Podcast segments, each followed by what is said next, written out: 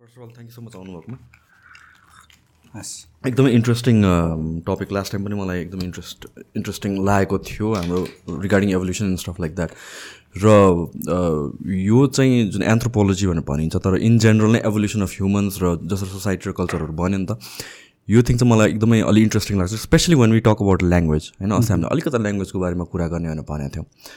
मेरो realisation is हामी त अब फिजिकली हेर्ने हो भने त we are nothing compare to other species तर जुन हिसाबले हामी फुड चेनमा क्लाइम्ब गर्न सक्यो त्यसमा ल्याङ्ग्वेजको एकदमै इम्पोर्टेन्ट रोल थियो होला। किनभने जुन हिसाबले हाम्रो अरूहरूको पनि ल्याङ्ग्वेज हुन्छ तर हाम्रो ल्याङ्ग्वेज कस्तो भन्छ? मोर डिटेल ओरिएन्टेड भयो मोर स्पेसिफिक्समा गयो नि त अरू स्पिसिस भन्दा। So let's say for example त्यहाँ रिभरतिर डेन्जर छ भन्नुभयो सट्टा? रिभरतिर मैले बिहान बाघ देखेको थिएँ अहिले इस्टतिर मुभ गरेँ समथिङ लाइक द्याट त्यो डिटेलमा जुन हिसाबले डिस्क्राइब गर्न सकिन्छ त्यो आई थिङ्क ह्युमन्सहरूले चाहिँ एउटा नेक्स्ट लेभलमा चाहिँ लग्यो ल्याङ्ग्वेजलाई र तपाईँले अस्ति फोनमा कुरा गर्दाखेरि पनि इन्ट्रेस्टिङ तपाईँले भन्नुभयो कि language is the biggest invention of human beings अनि दुई दिन म यही कुरा सोच्दै बसेँ क्या। अनि अनेस्टली भन्नु पर्दाखेरि त हो नि त नत्र जुन ट्रान्सफर अफ नलेज हाम्रो जेनेरेसन टु जेनेरेसन ट्रान्सफर हुँदै हुँदै एउटा जेनेरेसनले जहाँ बिल्ड गर्यो on top of that build गर्दै गर्दै हामी यहाँ पुगेका छौँ। एभ्रिथिङ लिट्रेचर भनौँ आर्ट्स भनौँ नलेज भनौँ बुक्स भनौँ एभ्रिथिङ त ल्याङ्ग्वेजकै फाउन्डेसनमा त बिल्ड भएको हो नि। एब्सोल्युटली ठ्याक्कै के सोध्न चाहनुहुन्छ ल भन्नुहोस् त। सो सो ल्याङ्ग्वेजकै एभोल्युसनकै कुरा गरौँ। वन्डरफुल अघिल्लो पटक हामी वास्तवमा मानवहरू र मानव समाज र संस्कृति कसरी इभल्भ हुँदै आयो भन्ने हामीले कुरा गऱ्यौँ। अनि आज भाषा कसरी इभल्भ भएर भन्ने कुराहरूमा चाहिँ एकदमै हामी त्यही ह्युमन इभोल्युसनको कन्टेक्स्टमा नै हामीले बुझ्नुपर्ने हुन्छ। निश्चित रूपमा भाषा हामी आज जुन तहमा जुन घनत्वमा जुन गहिराइमा जुन अर्थमा हामी भाषालाई उपयोग गर्छौँ सदुपयोग गर्छौँ यसलाई म्यानिपुलेट गर्छौँ त्यो तहमा थिएन तर सनै सनै क्रमशः विकास भएको कुरा हो। तर भाषाको विकासको कुरा विकासको सन्दर्भको कुरा गर्दाखेरि हामीले के भुल्नु हुँदैन भने it was also combined with the physical and morphological evolution of the humans humans मान्छेको यो भौतिक शारीरिक विकाससँगै विकासले परिवर्तनले भाषाको विकासहरूमा मद्दत गर्यो भाषा भन्यो भने हामी जस्तो जेस्टरहरू पनि भन्छौँ हामी इसाराहरूलाई पनि भाषा भन्छौँ होइन? सो इसारालाई तपाईँले भाषा भन्नुहुन्छ भने इसारा सबभन्दा पहिला हामी हातले बढी गर्छौँ है? हातले बढी गर्ने भनेको के भने ह्युमन इभोल्युसनमा अस्ट्रेलोपिथेकसभन्दा अगाडि भनौँ न आएपछि जब मान्छेहरूले त्यो फोर लिम्स त्यो अगाडिको यो अर्गनहरूलाई फ्री बनायो फ्री बनाएपछि मान्छेले इसारा गर्न ताक्नु देखाउन अथवा एनिमिज शत्रुहरू होइन यता छ उता छ यता हो उता जाऊ वर्डमा स्पिचमा नभए पनि त्यो जेस्चरहरूमा सुरु गर्यो। सो बाइपेडलिजम दुई खुट्टामा उभिनेर हिँड्न सक्ने क्षमता र हातलाई फ्री बनाउने भन्ने कुरा चाहिँ भाषा विकासको भाषाको आविष्कारको सबैभन्दा प्रमुख पक्ष हो। अब अब हेर्नुहोस् है। मैले भने नि तपाईँलाई अस्ति नै language is the best and the most important innovation made by human societies so as to give further way to other innovations भाषा भएपछि मात्रै मान्छेहरूले योजना बनाउन सक्यो। मान्छेहरूले जुक्तिहरू बनाउन सक्यो। मान्छेहरूले कम्बाइन्ड रूपमा कलेक्टिभली काम गर्न सक्यो। सङ्गठित रूपमा आउन सक्यो। हगि? तर यो यसमा हामी भरे जाउँला भाषाबाट नै अरू आविष्कारहरू सम्भव भयो। किनभने यो के बनाउने? योबाट म के आविष्कार गर्न चाहन्छु? मलाई के आवश्यकता छ? आदि कुराहरू तपाईँले भाषाबाटै चाहिँ बिल्डन गर्ने हो। सो मैले के भन्न चाह भनिराखेको थिएँ भने हातलाई हातहरूलाई फ्री बनाउने कुरा चाहिँ त्यो इसारा गर्नमा र भाषा विकासमा पहिलो कुरा। हात त देखिने कुरा भयो।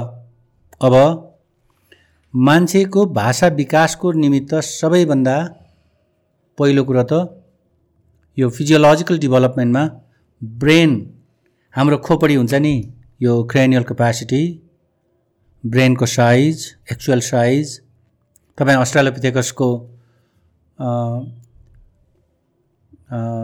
अस्ट्रालोपिथेकसको पालाको कुरा गर्नुभयो भने अब सिक्स हन्ड्रेड क्युबिक सेन्टिमिटर्स हेर्दाखेरि त रोबोस ठुलो थियो होला तर जब जब आजको मान्छेको कुरा गऱ्यो भने चौध सय क्युबिक सेन्टिमिटरको त्यो साइजमा आउँछ भनेको ब्रेन साइज नै ठुलो भएर आयो। त्यो क्रेनियल क्यापासिटी त्यो त्यो ब्रेन रहने त्यो जुन ऊ छ खोपडी त्यो नै ठुलो भएर यद्यपि हामी सो एउटा कुरा त मर्फोलोजिकल डेभलपमेन्टभित्र हात फ्री अर्कोतिर ब्रेनको साइज बिस्तारै विकसित हुँदै गयो र कम्प्लेक्स हुँदै भयो। अझ चाहिँ अझै यसले मोर डेटा प्रोसेसिङ गर्न सक्नेमा भयो। एट द सेम टाइम ब्रेनको साइज डेभलप हुँदै यो हाम्रो स्कल डेभलप हुँदै जानु ठुलो हुँदै जानु पनि हाम्रो फिजियोलोजिकल डेभलपमेन्टमा पऱ्यो इभोल्युसनमा पऱ्यो अर्को कुरो त्यो सँगसँगै शब्दहरू उच्चारण गर्ने होइन हाम्रो जुन यो भोकल कर्टेक्स सिस्टमहरू होइन भोकल कर्डहरू यो हाम्रो ल्यारिङ्स भन्छ फ्यारिङ्स भन्छ होइन। आवाज निकाल्नसँगको सम्बन्ध जो छ नि त्यो जति पनि अङ्गहरू छ तिनीहरू पनि मोर सफिस्टिकेटेड र मोर डेभलप हुँदै गयो के ताकि हामी विभिन्न खालका शब्दहरू होइन उच्चारण गर्न सकौँ। सो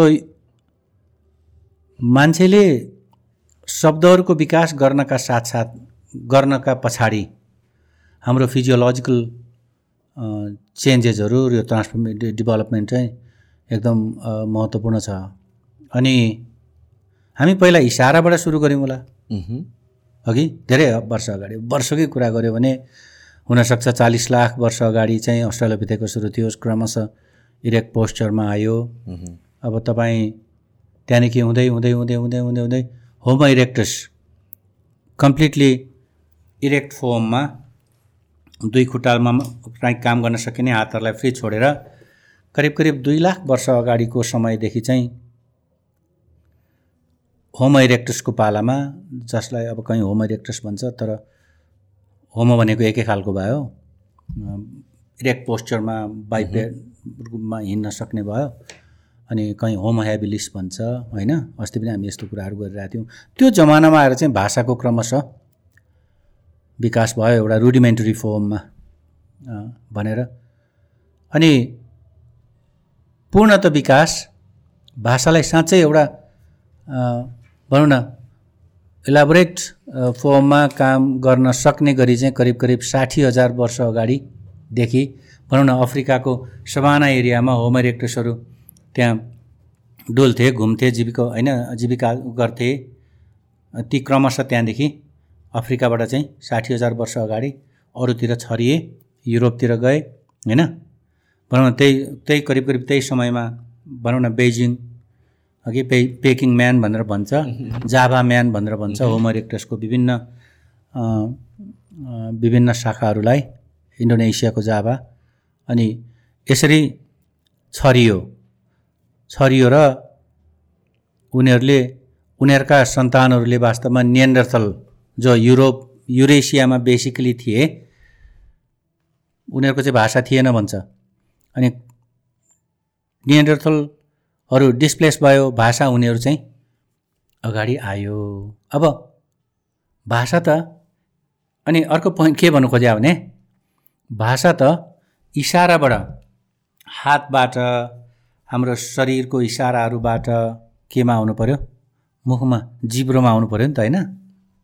हाम्रो यो भोकल सिस्टमहरू जो त्योसँग सम्बन्धित अङ्गहरू विकसित भएपछि अनि क्रमशः हामीलाई हाम्रो जिब्रोको बनावट है यस्तो भयो होइन? त्यो अनि यो रिफ्लेक्स भन्छ के? अटोमेटिक रिफ्लेक्स भन्छ। त्यहाँबाट पनि भाषा क्रमशः विकसित हुँदै गयोला। भन्छ आज पनि हामी आज हामी इसारा हातले मात्रै गर्छौँ अनुहारले मात्रै गर्छौँ भन्छौँ होइन तर केही काम बिग्रियो भने कसरी चाहिँ भाषाको विकास र जिब्रोको सम्बन्ध कसरी छ भन्छ भने आज पनि हामी के गर्छौँ केही बिग्रियो भने गरेर जिब्रो निकाल्छौँ नि होइन।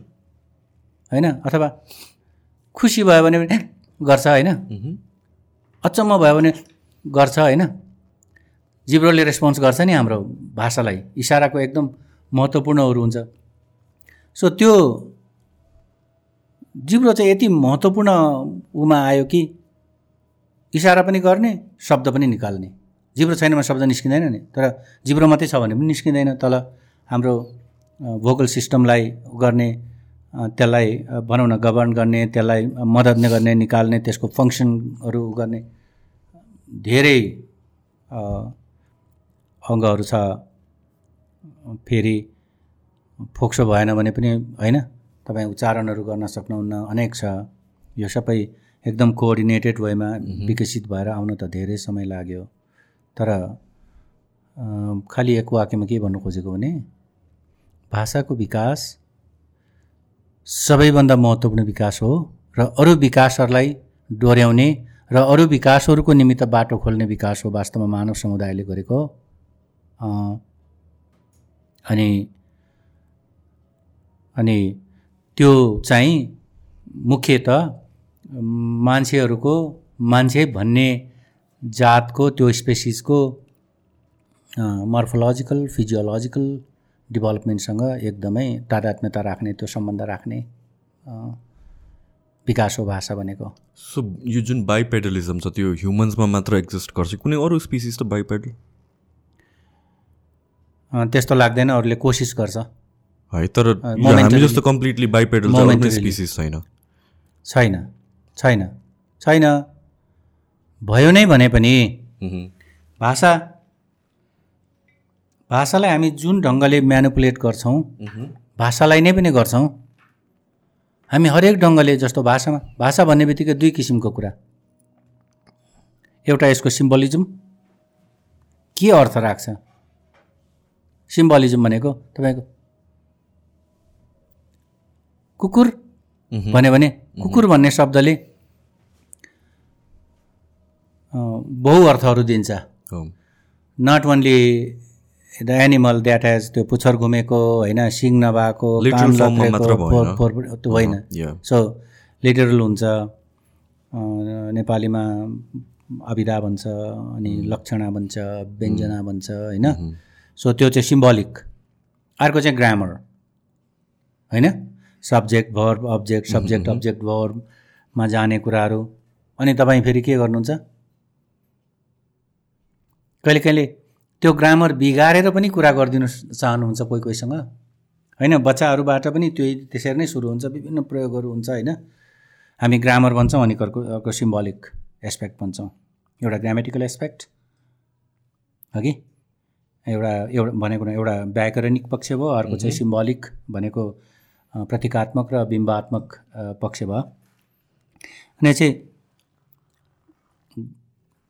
भाषामा त्यो दुईवटा कुरा हुन्छ भनेपछि हामी इसाराभन्दा अलिकति अगाडि आयौँ। त्यो जेस्चरहरू शब्दहरूको उच्चारणहरू अरू दुई खुट्टामा उभिन सक्ने अरू प्राणीहरूले पनि गर्ला।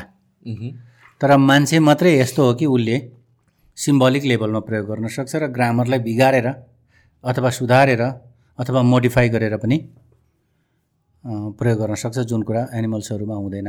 र त्यसैले हामी भाषा हुनको कारणले मानव समुदाय चाहिँ मानवहरू चाहिँ सबैभन्दा विशिष्ट प्राणी हो। भनेर एक ढङ्गले अब सेल्फ एप्रिसिएटिङ सेल्फ भनौँ न ब्रागिङ टाइपको कुराहरू गर्छौँ। त्यसो भए त भाषा त अरू एनिमल्सको पनि छ। अस्ति हामीले पनि कुरा गऱ्यौँ चिम्पाजीको कुरा अलिकति गऱ्यौँ। तर त्यो सिम्बोलमा बोल्न सक्ने र ग्रामरमा बोल्न सक्ने ग्रामरमा प्रस्तुत हुन सक्ने कुरा चाहिँ फेरि एनिमल्सहरूमा हुँदैन भनेर भन्छौँ। तर डिटेल्स पनि त हुँदैन होला ह्युमन्स जस्तो लाइक ह्युमन्स बाहेक सेकेन्ड मोस्ट डेभलप्ड ल्याङ्ग्वेज कसको छ होला? अरू कुनै स्पिसिसको छ? अलिक छैन। मान्छेको मात्रै हो। त्यो डिटेल्स भन्नुभयो नि त्यो एकदमै ह्युमन्सको मात्र हो। ह्युमन्सको मात्रै हो। प्लान गर्न सक्ने होइन? र इमिडिएट एनिमल्सहरूको चाहिँ इमिडिएट निड फुलफिल गर्नका लागि जेनेटिकली डिटरमाइन्ड रिफ्लेक्सेसहरू मात्रै हो। शब्दहरू धेरै हुँदैन। इसारालाई तपाईँले ट्रान्सलेसन गर्नुभयो अथवा उनीहरूले निकालेको आवाजलाई ट्रान्सलेसन अनुवाद गर्नुभयो लामो अध्ययनपछि भनेर पनि अध्ययनहरू पनि गर्छ। मानवशास्त्रीहरूले वास्तवमा भनौँ न फिजिकल एन्थ्रोपोलोजिस्टहरूले कम्पेयर गर्छ हाम्रो भाषा र मान्छेको भाषा र जनावरको चिम्पाजीहरूको भाषा उनीहरूको भाषामा बढीभन्दा बढी आउने भने के?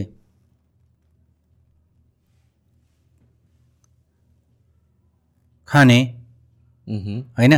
उनीहरूको पनि वर्ड्स नै हुन्छ। होइन त्यो वर्ड्समा ट्रान्सलेसन गर्न सक्छ। सकिन्छ एक ढङ्गले त्यो लामो समय अध्ययन गर्नेहरू भनौँ न सुन्तला होला। अथवा होइन मासु होला खाने होला मासु होला सुन्तला होला खाने होइन? त्यही त्यही त्यही। वर्ड्सको बेसिसमा। बेसिकली सर्भाइभल हो। सर्भाइभल र खानेकुराहरूसँग।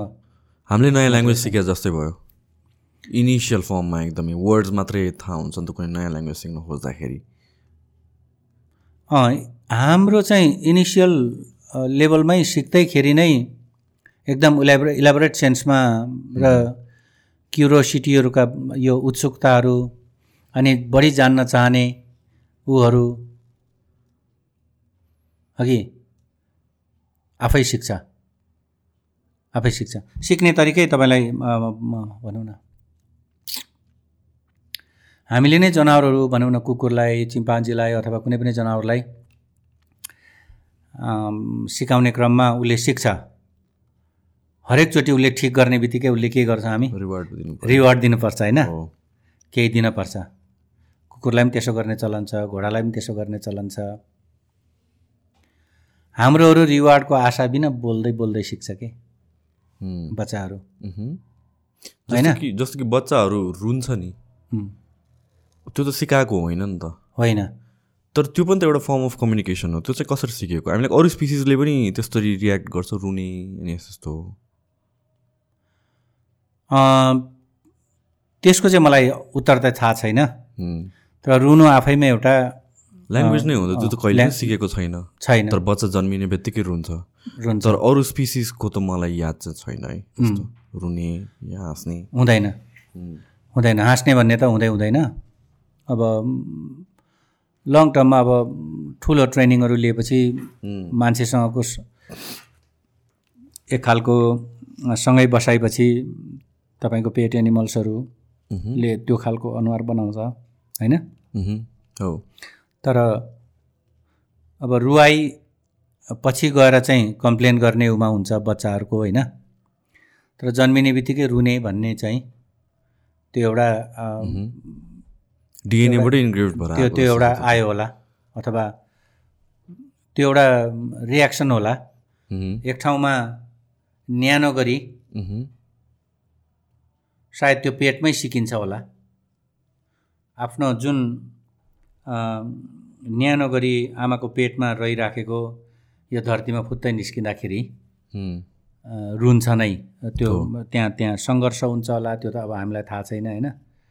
त्यो पीडा हुन्छ होला अनि पीडाको स्वाभाविक पीडालाई प्रतिक्रिया दिने कुरा चाहिँ सायद रुवाईबाट हुन्छ होला। सो ल्याङ्ग्वेज पनि त अब रिटर्न फर्ममा जाँदाखेरि त पहिला आई थिङ्क पिक्चर्सहरू आर्ट्सहरूबाट डेभलप हुँदै गयो होला। किनभने अहिले पनि हामीले कति कति पहिलाको एन्सियन्ट जुन आर्ट आर्टिफ्याक्ट्सहरू देख्छौँ एभिडेन्सेसहरू आर्कियोलोजिकल एभिडेन्सेसहरूमा वी सी ड्रइङ्सहरू पहिला पहिला बनाएको। जुन बेला त ल्याङ्ग्वेज त्यतिखेर आई अज्युम थिएन होला। सो त्यो ड्रइङबाटै अनि बिस्तारै बिस्तारै वर्ड्सहरूमा जाँदै गएको हो कि लेटर्सहरू होइन लेटेस्टको डेभलपमेन्ट त अब भनौँ न धेरै हजार वर्ष छैन। तर मान्छेहरूले पिक्चर बनाउने कुराहरू हिजोको हो। अघिकोमा आर्टिफ्याक्ट्सहरू भन्छ। फसिलाइज्ड उहुँ, भूकम्पका कारणले अथवा नेचुरल अरू ह्याजर्ड्सका कारणले बस्ती बस्ती नै समाप्त भएको भनौँ न हजारौँ वर्ष अगाडिका बस्तीहरूमा ओडारहरूमा मान्छेहरूले आफूले शिकार गर्न खोजेको जन्तु जनावरको नक्साहरू बनाएको छ। हो। होइन? रिचुअल्सहरूको भयो। रिचुअलहरू गरेको छ। त्यसो हुँदा अब त्यो पनि एउटा भाषा र सौन्दर्यको एउटा भनौँ न कलाको विकास भनेर मान्नुपर्ने हुन्छ। एउटा हिसाबले डकुमेन्टेसन पनि हो त्यो बेलादेखि एकदमै हो। हामी त्यसैको आधारमा नै हामी स्टडी गर्छौँ। त्यही मैले अघि भने नि मानवशास्त्रीहरूले जस्तो नियन्डरथलहरूको चाहिँ भाषा थिएन भनेर भने नि। त्यति बेला नियन्डरथलको नियन्डरथलको जमानाको यो करिब भनौँ न साठी हजारभन्दा अगाडि वर्ष लाख वर्ष अगाडिका उनीहरू हुनसक्छ एक लाख वर्ष उनीहरूले उनीहरूको पुस्ताहरू बाँच्यो होला त उनीहरूको फसिलहरू उनीहरूको रिमेन्सहरू उनीहरूको जीवनको विभिन्न पक्षहरू अहिलेको अहिले चाहिँ नै एक्सकभेट गरेर भेट्दाखेरि त्योबाट त्योसँग एसोसिएटेड कुराहरू हेर्छ। उनीहरूको जीवन कस्तो थियो? उनीहरू कसरी बाँच कसरी बस्यो? कसरी बाँच्यो? त्यो एसोसिएटेड कुराहरू हेर्दाखेरि चाहिँ अरू त्योसँग थप सामग्रीहरू विश्लेषण गरेर उनीहरूको भाषा थिएन भन्ने त हो नि? अ, दे देखा त होइन। त्यही पुस्ता त बाँचेको छैन। सो अहिले भनेको डिफ्रेन्ट एसोसिएटेड फाइन्डिङ्सहरूलाई कुनै मानव भन्नेको पुर्खा सँगसँगै पाइएका अरू कुराहरूलाई। उनीहरू कस्तोमा बस्यो के खायो होइन? कसरी बाँच्यो कसरी शिकार गर्यो अनि उनीहरूको ग्रुप लाइफहरू कस्तो थियो त्यो हेर्दाखेरि सङ्गठित थियो कि असङ्गठित थियो कि कस्तो थियो? अर्गनाइज थियो उनीहरू? एक लेभलको अर्गनाइज हो हो। होइन। तर पनि भाषा थियो भनेर भन्दैन। अहिलेको स्टडी गर्नेहरूले हुनसक्छ। पछि फेरि यो यो त अनगोइङ यो स्टडी। प्रोसेस हो। होइन? अब किन धरतीमुनि छ सबै? एक्सकभेट गर्दै गर्दै गर्दै गर्दै जाँदा पछि एनालिसिस गर्दै जाँदा हुनसक्छ। हामीले टुल्स र टेक्निक्सहरू यो कति पुरानो हो र उनीहरूको जीवन कस्तो थियो भन्ने कुरा अध्ययन गर्ने पनि त्यो रिमोडलिङ गर्ने रिकन्स्ट्रक्ट गर्ने कुराहरू पनि अझै बढी विकसित हुँदै जान्छ होला। अनि त्यसले हुनसक्छ होइन उनीहरू पनि यो यो कारणले गर्दाखेरि भाषा प्रयोग गरेको देखिन्छ। भनेर पछि आउला तर अहिलेसम्म चाहिँ छैन भनेर भन्छ। सो यो ल्याङ्ग्वेज नै नभएको कारणले नै उनीहरू अर्गनाइज वेमा कुनै वार या समथिङ लाइक द्याटमा चाहिँ एज अ ग्रुप कोअर्डिनेट गरेर एउटा मिसनमा अगाडि बढ्न नसकेर वाइप अफ भएको हो कि? त्यो पनि हुनु अहिले हामी भाषामा केन्द्रित भयौँ र यो कुरा हो। अस्ति हामीले कुरा गरेका थियौँ। नियन्त्रथलहरूलाई वास्तवमा अफ्रिकातिरबाट सवानातिरबाट माइग्रेट भएर गएका यो होमोस्यापियन्सहरूले उनीहरूको बिचमा हुनसक्छ लडाइँ भयो होला। हो।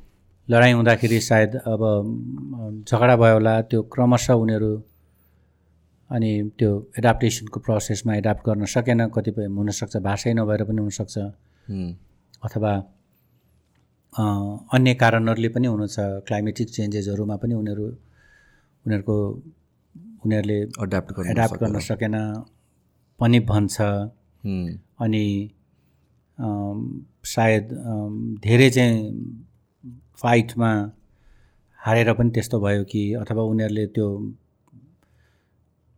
आफू बसेको क्षेत्र अरूलाई छोडिदिनु पऱ्यो होइन?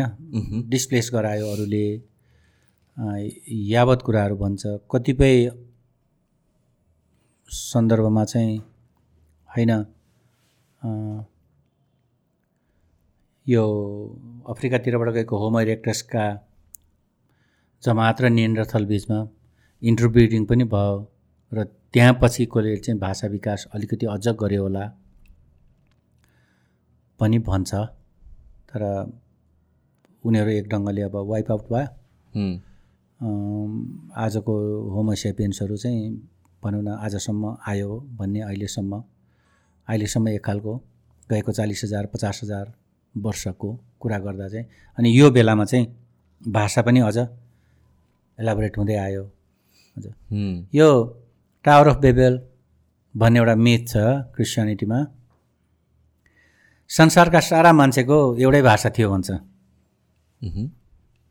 यो प्रसङ्गवश भने। उतातिरको मिथ भएर यता यो भारतवर्षको मिथ होइन यो। सो एभिडेन्सेसले के देखाउँछ एभिडेन्सले होइन। त्यो एउटा इन्ट्रेस्टिङ कुरा चाहिँ भाषा त हामी फरक फरक बोल्छौँ नि त अहिले। संसारभरि होइन।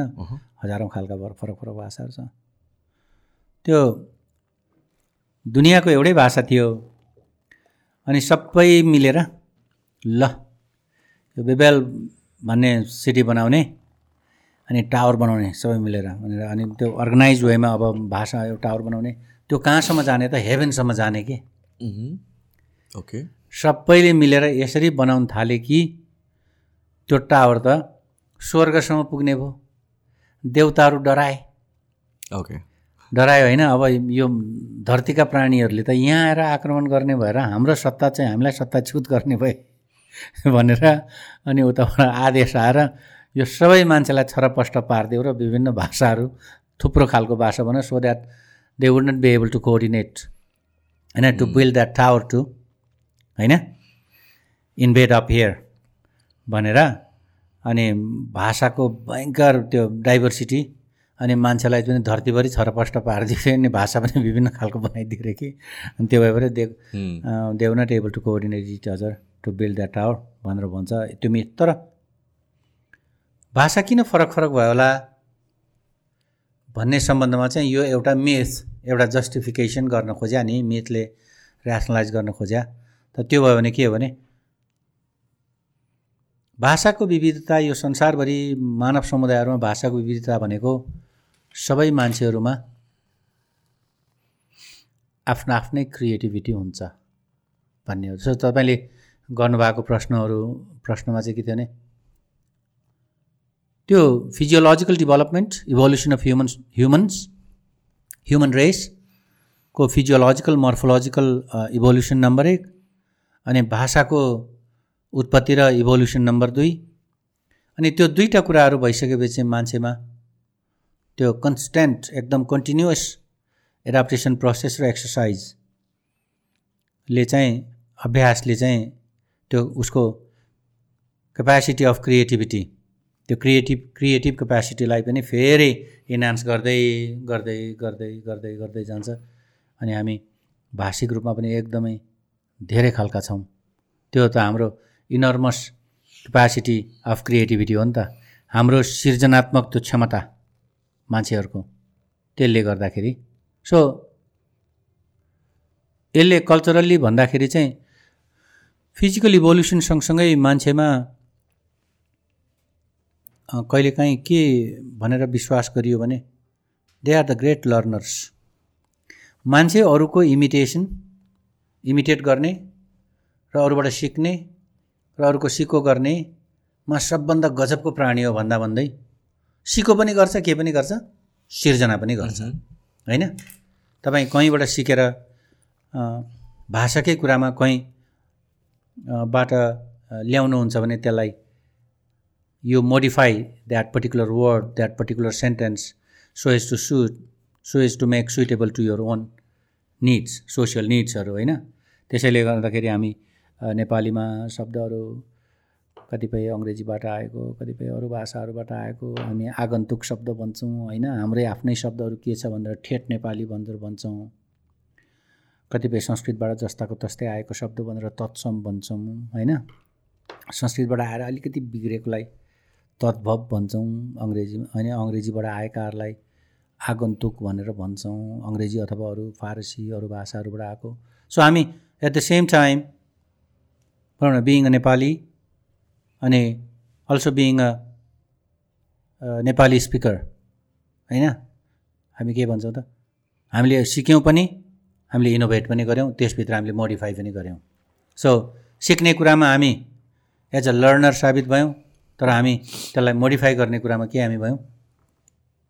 एउटा सृजनशील क्षमताको होइन? एक एक खालको क्रिएटर पनि भयौँ इनोभेसन गर्न सक्ने क्ष- क्षमताको पनि भयौँ। सो एन्थ्रोपोलोजी एउटा एज अ सब्जेक्ट र जति पनि हामीसँग डेटा र फ्याक्ट्सहरू छ अहिलेसम्म how does it work does it purely work on philosophical basis यस्तो यस्तो भयो होला भनेर um, एउटा एम्टी माइन्डमा इमेजिनेटिभ वेमा हामीले सिक्वेन्स बनाएर त्यसलाई चाहिँ भेरिफाई गर्ने आर्कियोलोजिकल एभिडेन्स हो कि? होइन त्यसको उल्टो हो एन्थ्रोपोलोजी भनेको चाहिँ। ओके तपाईँ फर्स्ट रिसर्चको कुरा भयो। अह रिसर्च कसरी गरिन्छ? दुई किसिमले गरिन्छ। एउटा टप डाउन भन्छ। माथि तपाईँको आइडियाहरू हुन्छ। हाइपोथेसिसहरू हुन्छ होइन? अनि यसरी संसार चल्छ होला भनेर एउटा हाइपोथेसाइज गरेर त्यहाँबाट तल धरती हेर्न जाने। Right so that is theory laden भयो थ्योरीले गाइड गर्ने भयो। तर एन्थ्रोपोलोजी भनेको चाहिँ बटम अप मान्छेले जीवन कसरी बाँचेको छ? सो त्यसैले यसलाई चाहिँ इम्पेरिकल स्टडी भनेर भन्छ। तथ्यपरक र वस्तुनिष्ठ भनेको वस्तुगत रूपमा हाम्रो इन्द्रियहरूले देख्ने भोग्ने होइन महसुस गर्ने कुराहरूमा संसार कसरी चलिराखेको छ त्यो त्यो आधारमा चाहिँ यस्तो रहेछ। यहाँले भन्नु भने आर्कियोलोजिकल त्यो एक्सकभेसनहरू त्यो उत्खननहरू गरेर फ्याक्टहरू जो त्यो वस्तुगत तथ्यले जे भन्छ त्यसको आधारमा मान्छेको विकास यसरी भएको छ भनेर भन्छ नि त होइन? अब okay so bottom up approach bottom up approach top down approach चाहिँ कस्तो भयो? तपाईँको इमेजिनेसन त्यसलाई मेटाफिजिक्स भन्छ। अथवा रिलि फिलोसफिकल अथवा रिलिजियस थट्सहरू भयो। भनौँ न ओहो मान्छेको सिर्जना भन्ने कुरा। अघिको अघिको छ नि। अघि हामी एउटा मिथमा ल्यायौँ नि। त्यो चाहिँ टप डाउन टाइपको भयो नि त। ओके होइन? तर के मान्छेको भाषा त्यसरी नै विकास भयो त? दैवले चाहिँ विभिन्न भाषा बोल्ने बनाइदिया हो त यता माथि होइन? हेभेनमै चाहिँ टावर भर्याङ बनाएर चाहिँ माथि नै आइसक्ने भयो अब हामी कहाँ जाने? मलाई विभिन्न भाषा विभिन्न मान्छेलाई छराइदिएको त्यो त होइन होइन? तर आर्कियोलोजिकल प्रुफ्सहरू हेऱ्यो भने तपाईँको एक्सकभेसनहरूले देखाएका कुराहरू संसारमा विभिन्न मान्छेहरू कहाँ कहाँ कसरी उत्पत्ति भए र कसरी भाषाको विकास गरे भनेर त त्यो त हामी वस्तुगत तथ्य भनेको एक्सकभेसनहरू नै हो। त्यसैले एन्थ्रोपोलोजी चाहिँ बटम अप तल इम्पाइरिकल रियालिटीहरू वस्तुगत तथ्यहरू वस्तुनिष्ठ प्रमाणहरूका आधारमा हामीले जेनरलाइज गर्ने कुरा माथि। मान्छे भनेको यो हो होइन? मान्छे आफ्नो श्रममा बाँच्छ भनेर तपाईँले भन्नुहुन्छ भने साँच्चै नै श्रम गरेर होइन? यो धरतीमा बाँचिरहेका प्राणीहरू उनीहरूको श्रमकै लगानी गरेर त्यहाँबाट उत्पादन गरेर यो धरतीमा उनीहरूको पसिनाले सिँचाइ गरेर त्यहाँबाट अन्न उत्पादन गरेर खाएर बाँचेका मान्छेहरूको अध्ययन गर्नुहुन्छ र त्यही नै तपाईँले त्यसैमा उठान गरेर तपाईँले तर्क गर्नुहुन्छ कि मान्छे वास्तवमा आफ्नो परिश्रममा बाँच्छ भनेर। अनि समाज परिवर्तनशील छ भन्यो भने पनि कुनै समाजलाई तपाईँले हेरेर त्यो कसरी आफैभित्रको उनीहरूकै श्रमभित्रबाट उनीहरू आफैभित्रको कन्ट्रडिक्सन्सहरूबाट अथवा उनीहरू आथ आफैभित्रको सहकार्य होइन? हरूबाट उनीहरू परिवर्तन हुन्छ। त्यो कुरा नै हेरेर त्यो कुरालाई नै प्रस्तुत गरेर हामी एन्थ्रोपोलोजीमा चाहिँ समाज परिवर्तनशील छ र समाज गतिशील छ भनेर भन्छौँ। है? सो यो भाषा हुनुले नै हामीलाई एक अर्कामा द्वन्द्वात्मक सम्बन्धमा पनि लान्छ। भाषा हुनुले नै हामीलाई एक अर्कामा सहयोगात्मक र सकारात्मक सहकार्यमा पनि लान्छ। र भाषा हुनुले नै हामीलाई अबको दस वर्षमा अबको अर्को वर्ष हामी होइन? कहाँ जाने? के गर्ने? के उत्पादन गर्ने? हाम्रै समाजलाई कस्तो बनाउने? हाम्रो परिवारलाई कस्तो बनाउने? भन्ने यावत कुराहरू यो भाषाले नै मद्दत गरिराखेको हुन्छ। सो हामी चाहिँ यो दुईवटा कुरा आयो भन्छु अब। मैले अघि इम्पाइरिकल त्यो वस्तुनिष्ठ तथ्यको आधारमा भाषाले गर्दा मान्छेहरूमा दुईवटा कुरा विकास भयो। क्रमशः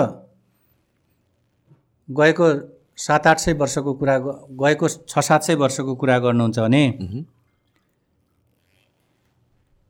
मान्छे मान्छेले आफ्नै विश्वासलाई प्रश्न गर्न थालो। होइन? ओहो हामीलाई त दैवले बनाएको। हामी आकाशबाट खसेको। भनौँ न यहीँनिर यहीँको धार्मिक विश्वासको कुरा गऱ्यो भने पनि कोही मान्छेहरू ब्रह्माको मुखबाट निस्के होइन? कोही मान्छेहरू कोही मान्छेहरू ब्रह्माको बाहुबाट निस्के उनीहरू क्षेत्रीय भए कोही मान्छेहरू ब्रह्माको पेटबाट निस्के उनीहरू वैश्यहरू भए कोही मान्छे ब्रह्माको ब्रह्माजीको भनौँ न सृजनकर्ताको ब्रह्माको खुट्टाबाट पैतालाबाट निस्के ती चाहिँ शूद्रहरू भए। या अब यो खालको कुरा चाहिँ के हो त भन्दाखेरि टप डाउन यसरी भयो होला भन्ने। तर आज वास्तविक रूपमा हेर्दाखेरि त मान्छे त्यसरी उत्पत्ति भएको त छैन। भनेपछि त्यो छैन भनेर प्रश्न गर्ने कुरा चाहिँ के हो त? ऱ्यासनलिजम विवेक। अब पाँच छ सय वर्ष अगाडिको कुराहरू गर्नु भने न सब संसारभरि यो दैवी अधिकारको सिद्धान्त होइन दैवी हामीलाई दैवले बनाएको यो धार्मिक अथेन्टिसिटी होइन धर्ममा आधारित आधिकारिकता र त्यो ज्ञानको वैधतामा हामीले लामो समय विश्वास गऱ्यो नि त मा मान्छे मानव समुदायले। अनि बिस्तारै प्रश्न गर्न थाल्यो। ओहो! के यो हो त? भनौँ न। राजा भन्ने कुरा हामी जस्तै मान्छे जस्तै खाने मान्छे जस्तै भनौँ न सास फेर्ने प्राणी कसरी दैवको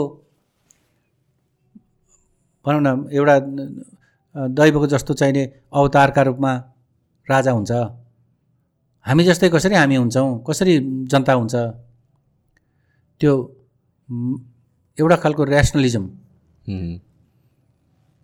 अघि तपाईँको विवेकले के भन्छ?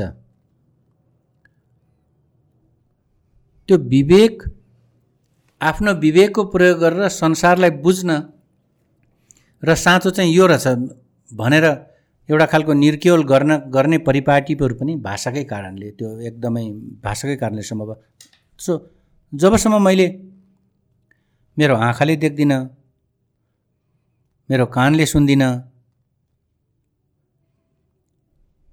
मैले महसुस गर्दिनँ। जबसम्म मैले मेरा इन्द्रियहरूले त्यसलाई चाहिँ हो भन्ने कुरा देख्दैनन् तबसम्म मैले हो भनेर भन्दिनँ।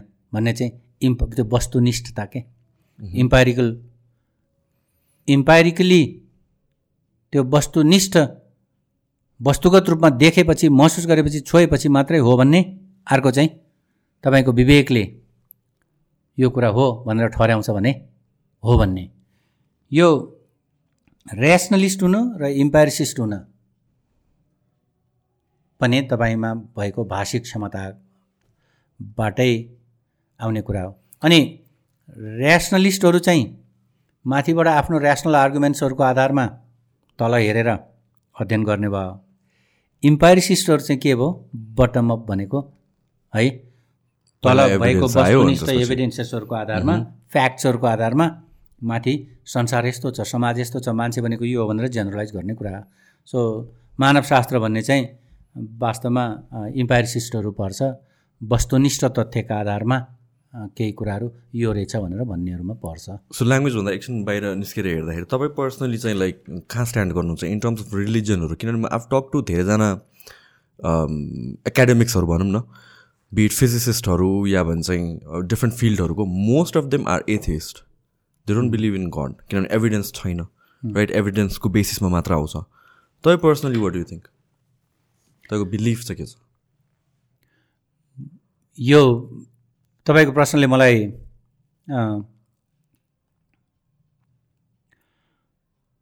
यो एकजना कमेडियन हुनुहुन्छ बिल मायर। युएसको। त्यो उहाँले एकचोटि प्रस्तुत गरेको कुरा मलाई हुन्छ कि धेरै जसो यो एथेइस्टहरू को सम्बन्धमा किन डेटा नल्याउला हामी कम्तीमा एक तिहाई त छौँ होला युएस सोसाइटीभित्र। जहिले पनि बाई रिलिजन होइन? By ethnic categories by minority majority योबाट योबाट डेटा लिन्छ। है। हामी एथेइस्ट भनेर अङ्ग्रेजीमा भन्छ है। नेपालीमा चाहिँ के भन्छ होला भन्नु त? नेपालीमा चाहिँ त्यो संस्कृतको शब्द है नास्तिक। नास्तिक? है? तर क्रिस्चियनहरूबाट आएको एउटा शब्द मलाई मनपर्छ के? उनीहरूले चाहिँ विश्वासी र अविश्वासी भन्छ कि? ओके सुन्नुभएको चाहिँ छैन होइन? यो क्रिस्चियन कम्युनिटीहरूले आफूलाई विश्वासी भन्छ। अनि हामी त्यो हामी भन्दा पनि म म चाहिँ दुइटाको बिचमा उभिन्छु कि जस्तो लाग्छ तर म मूलत एथेइस्ट नै हो अविश्वासी नै हो होइन? म पनि एक्ज्याक्टली म पनि एथिस्ट नै हो एथेइस्ट कहिलेकाहीँ सङ्कट पर्छ क्या कहिलेकाहीँ कता त्यो आफ्नो कन्ट्रोलभन्दा होइन आफ्नो नियन्त्रण र आफ्नो बसभन्दा बाहिरको समस्यामा फसेपछि ए हा भगवान् योबाट बचाइदियो भने म त पूज- गर्थेँ भन्ने जस्तो हुन्छ।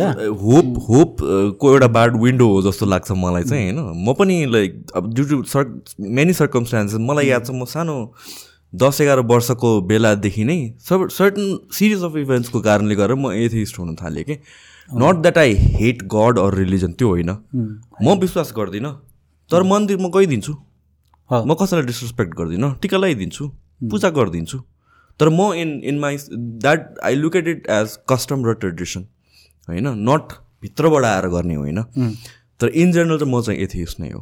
किनभने कतिवटा कुरा it doesn't make sense and तर I also believe at the same time कि यो युनिभर्समा कति कुराहरू छ जुन चाहिँ एक्सप्लेन गर्न सकिँदैन होला र कि हामी एक्सप्लेन अहिलेसम्म गर्न सकेका छैनौँ. मेबी हजार वर्षपछि एक्सप्लेन गर्न सकिन्छ होला. मेबी हुन्छ नि कतिवटा कुराहरू त टाइम लाग्छ नि त. So maybe this is also one of those things र म चाहिँ अहिलेको स्टेटमा चाहिँ आम एक्ज्याक्टली द्याट हो you're a kind of pragmatic faithful भनौँ न. Mhm.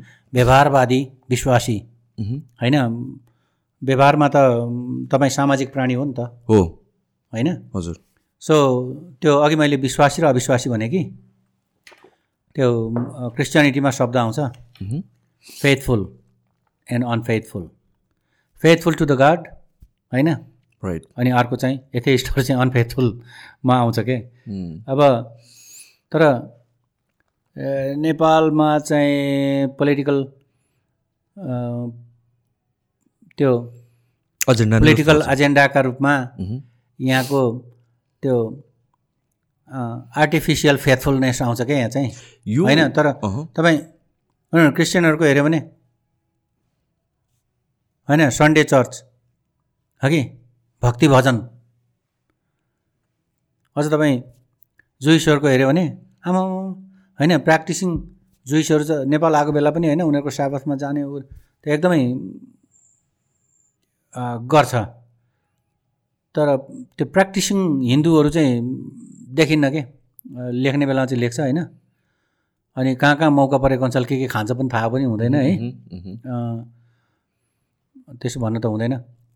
तर पनि त्यो यसो हेर्दाखेरि हाम्रोमा त्यो बाई द ल छैन यो दिनमा. यो दिनमा अनिवार्य भनौँ न आफ्नो धार्मिक संस्थामा जाने भन्नेहरू छैन नि त। जस मुस्लिमहरूमा एकदम छ क्रिस्चियनहरूमा पनि छ। हिन्दू हिन्दुइजममा पनि डिपेन्डिङ अपन द गड्स छ जस्तो लाग्यो मलाई। जस्तो कि मङ्गलबार भनेपछि गणेशलाई पूजा गर्ने अनि कुन दिन भने कुन भगवान्लाई पूजा गर्ने हो सो गर्छ। त्यो त्यो एस्पेक्टमा चाहिँ छ फेरि कता कता रुल है। अब यो रुल भनेको पनि रुल भन्दा पनि नर्म नर्म छ र नर्म छ भनौँ न। मेबी यत्रो जेनेरेसन्सबाट पास डाउन हुँदै आउँदा डाइल्युट भएको हो कि यो कुराहरू पहिला थियो कि ओरिजिनली त्यो पनि भएको हुनसक्छ। होइन हाम्रो उत्पादनका प्रणाली उत्पादनको सम्बन्धहरू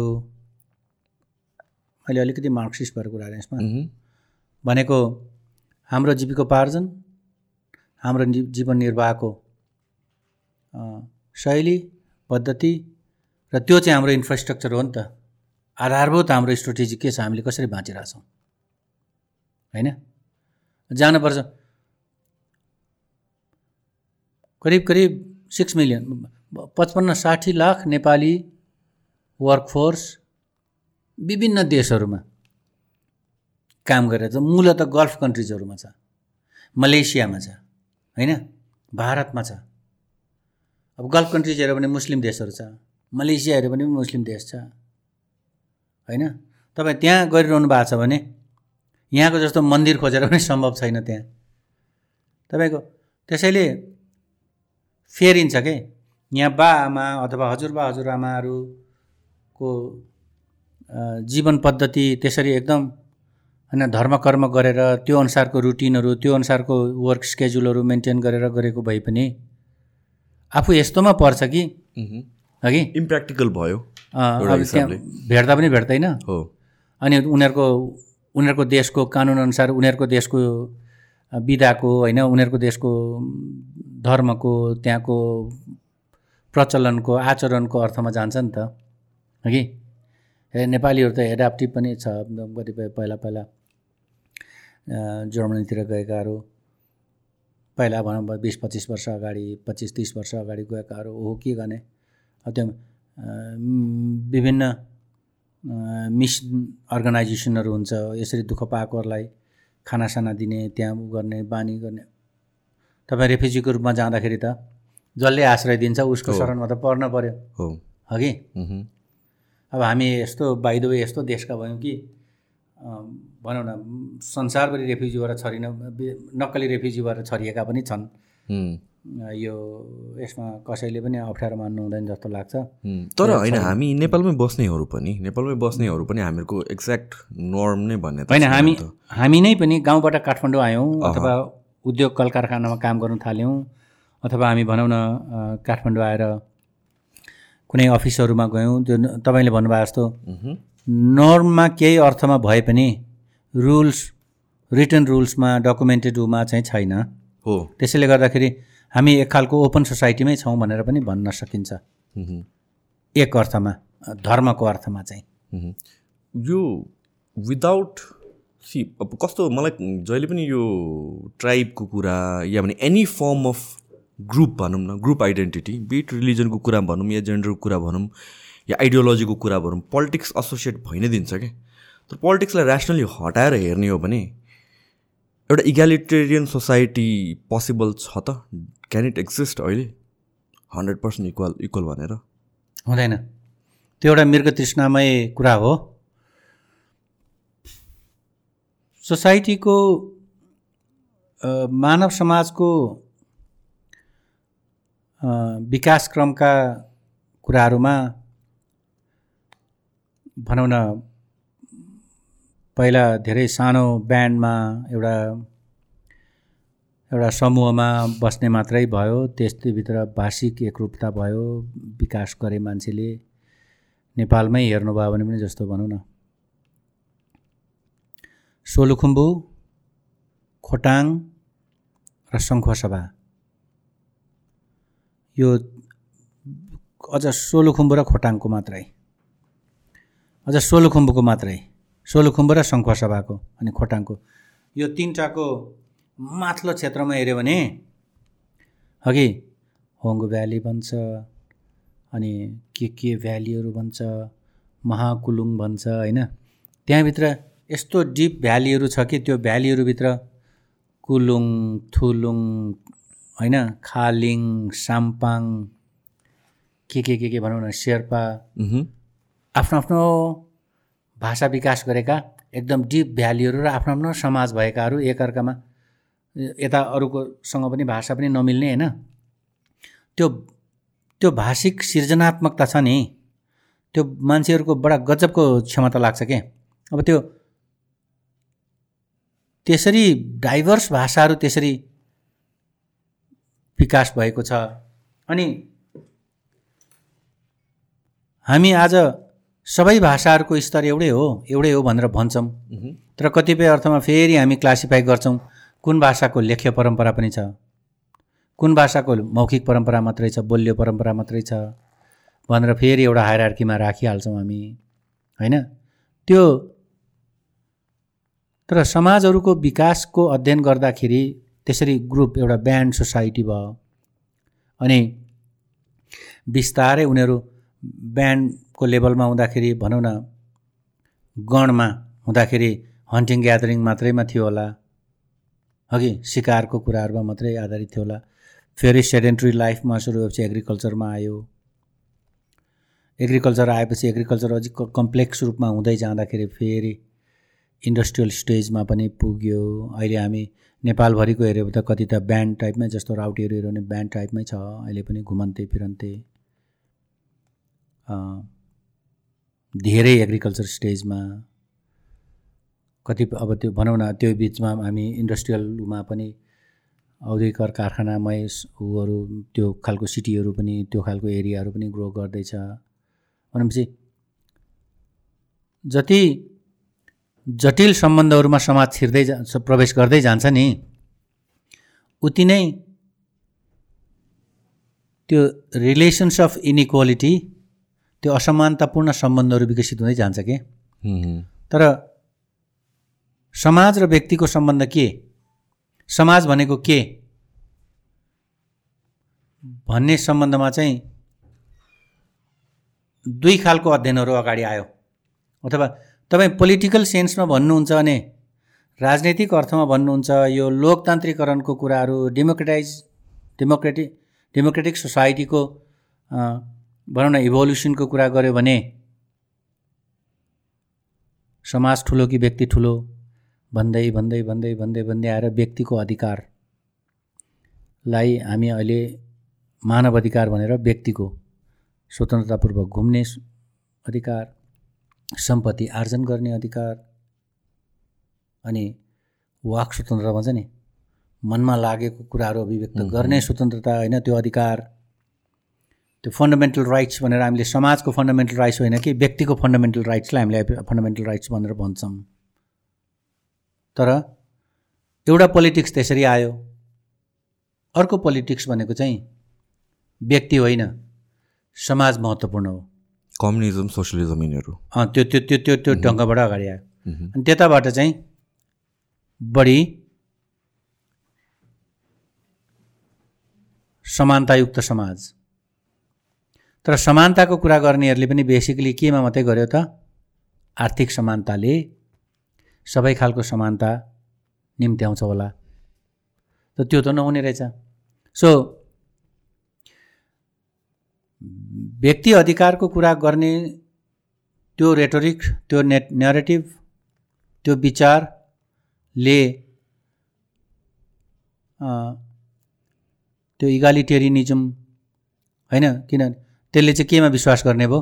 कम्पिटिसनमा ऱ्यासनलिटीमा होइन?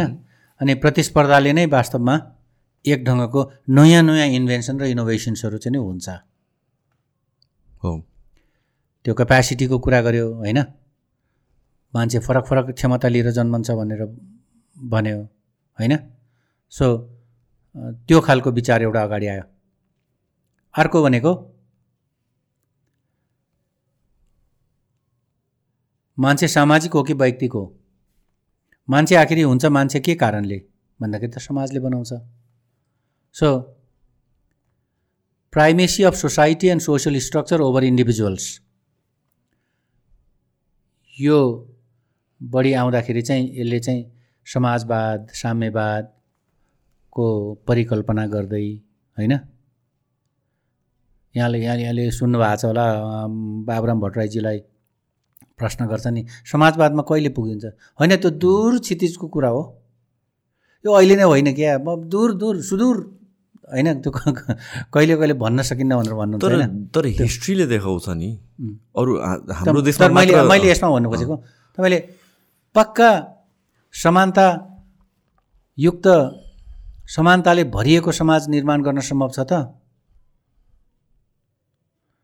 त्यो एब्सोल्युट इगालिटेरियनिजम त्यो सम्भव छैन। किन सम्भव छैन?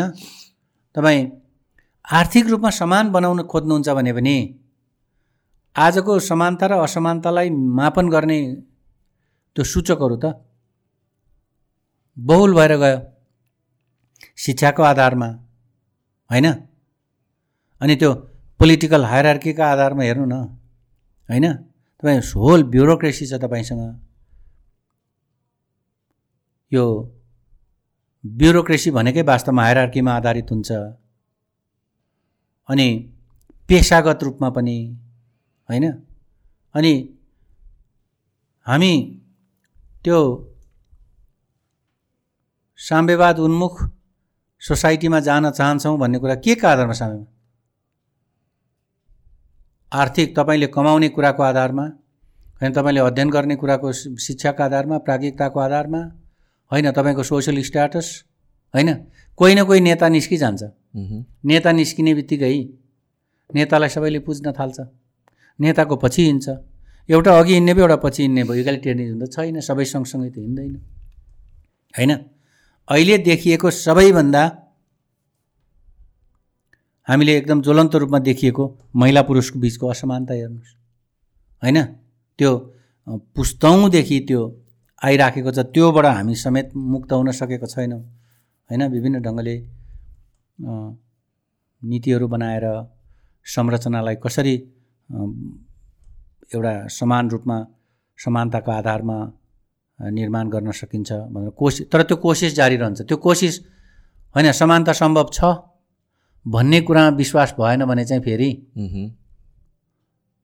त अराजक भएर जान्छ नि त। होइन जसको शक्ति उसको भक्ति जसले सक्छ उसले गर्छ गर्छ भन्ने जस्तो भयो। त्यसैले त्यो एउटा त्यसमा फेरि एफर्ट नगर्ने चाहिँ होइन। त्यो जरुर गरिरहने कुरा हो। तर तर के के आधारमा? हामी त्यसैले भन्छौँ नि योजना भन्छौँ जुक्तिहरू भन्छौँ होइन? अहिले त नहुनुपर्ने कुरामा डिस्क्रिमिनेसन छ। नेपाली समाजमा अझै पनि जन्मको आधारमा दलित छन्। होइन? त्यो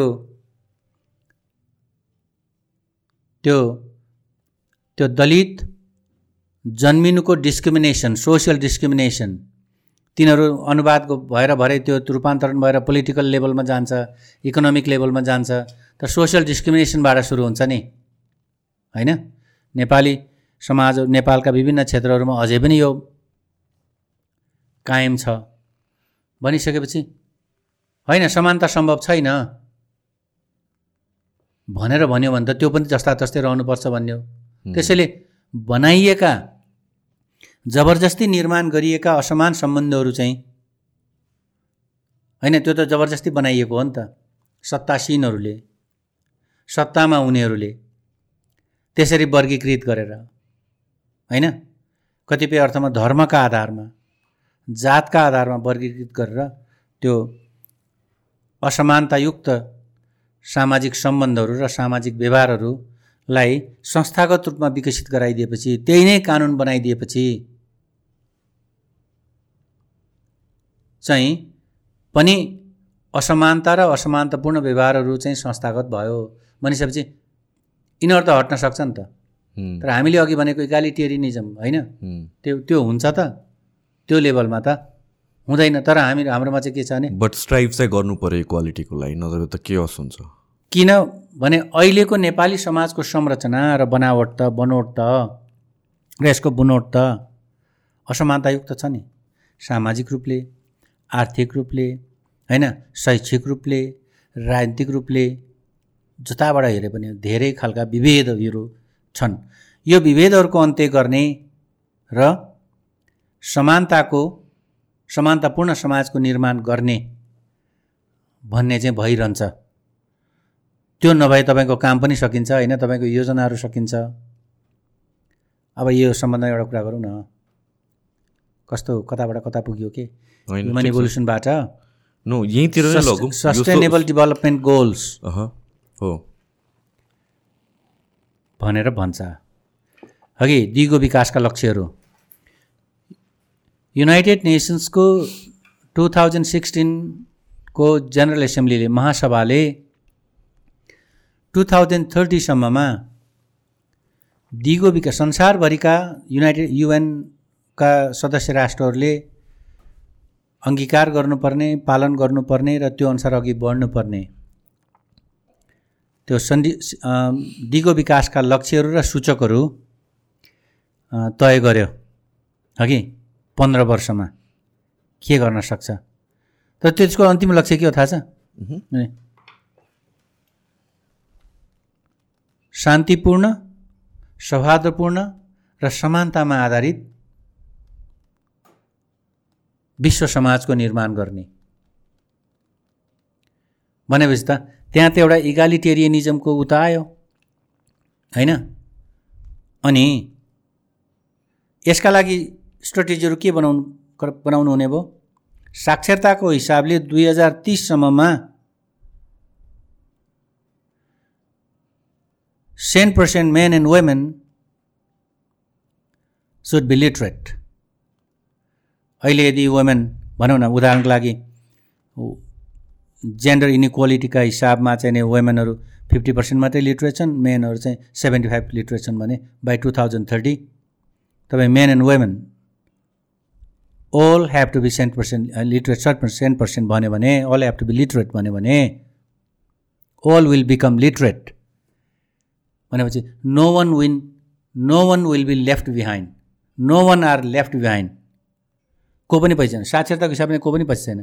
त्यसका लागि जुक्तिहरू बनाएर लानु पऱ्यो भनेपछि जो पचास पर्सेन्ट मात्रै साक्षर छन् उनीहरूका लागि थप कार्यक्रमहरू होइन? थप योजनाहरू त्यसलाई एफर्मेटिभ एक्सन भन्छ होइन? सो त्यो गर्नु पऱ्यो इन्कम जेनरे इन्कमका हिसाबले पनि अनि अर्को कुरा वर्कलोडका हिसाबले पनि कसरी men and women both will have equal workload to run the domestic economy उनीहरूको फ्यामिली इकोनोमी त्यसलाई ऊ गर्नका चलाउनका लागि सञ्चालन परिवारको अर्थव्यवस्था पारिवारिक व्यवस्था चलाउनका लागि महिला र पुरुष बराबरी योगदान गर्ने स्थितिमा हामी कसरी भन्न सक्छौँ? एक खालको स्ट्राइक फर इक्वालिटी चाहिँ हाम्रो भइरहन्छ होइन? तर हामीले इन प्र्याक्टिस हेर्दाखेरि चाहिँ नयाँ नयाँ आवश्यकताहरू जन्मिन्छ नयाँ नयाँ कुराहरू आविष्कार हुन्छ होइन? Because human beings are capable of that हामी ग्रेट लर्नर्स पनि हौँ नेपालीहरू बाहिर आविष्कार भएको कुराहरू हत्तनपत्त त्यसका उपभोक्ताहरू हुन्छन्। त्यसैले अनेक कुराहरू हुँदै जाला। फेरि पनि मान्छेहरू यसरी योजना बनाएर चाहिँ अगाडि बढ्छ। हेल्थ इन्डिकेटर्सको हिसाबमा एजुकेसनको इन्डिकेटर्सको हिसाबमा इन्कमको इन्डिकेटर्सको हिसाबमा सोसियल डिग्निटी र सोसियल प्राइडको आइडेन्टिटीको हिसाबमा हामीले सबै सबै सबै नागरिकहरूलाई सबै सबै समुदायहरूलाई एउटै तहका भनेर हेर्न र बुझ्न सक्छौँ कि सक्दैनौँ? त्यो इगालिटेरियनिजम भन्ने कुरा तपाईँको अन्डरस्ट्यान्डिङमा चाहिँ सम्भव हुन्छ है। अब मैले एन्थ्रोपोलोजीको कुरा गरेँ। कल्चरल लेभलमा सोसियल लेभलमा इक्वालिटी सम्भव छ। इकोनोमिक लेभलमा इकोनोमिक एस्पेक्टमा एजुकेसनको एस्पेक्टमा कतिपय अरू एस्पेक्ट्सहरूमा मान्छेहरू अगाडि पछाडि हुन्छ होला। तर हाम्रोमा कस्तो चलन छ भने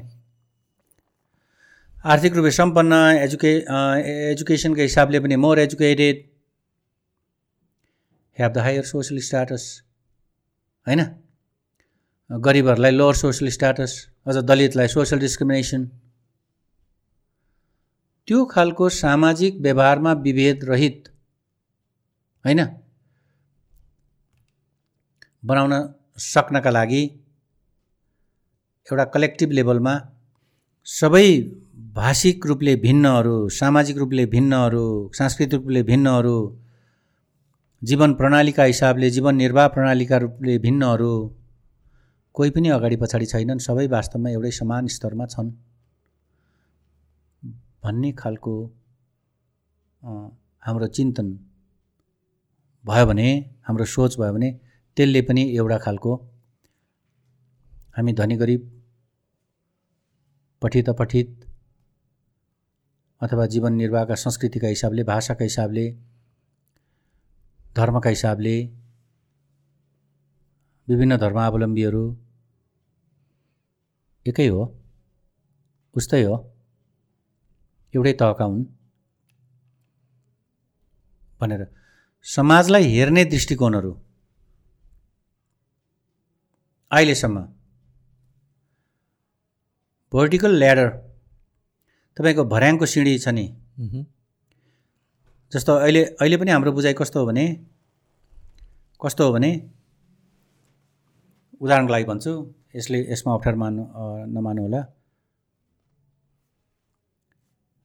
समाज विकासको खुड्किलाहरूमा राउटेहरू सबैभन्दा तल्लो खुड्किलामा छ है?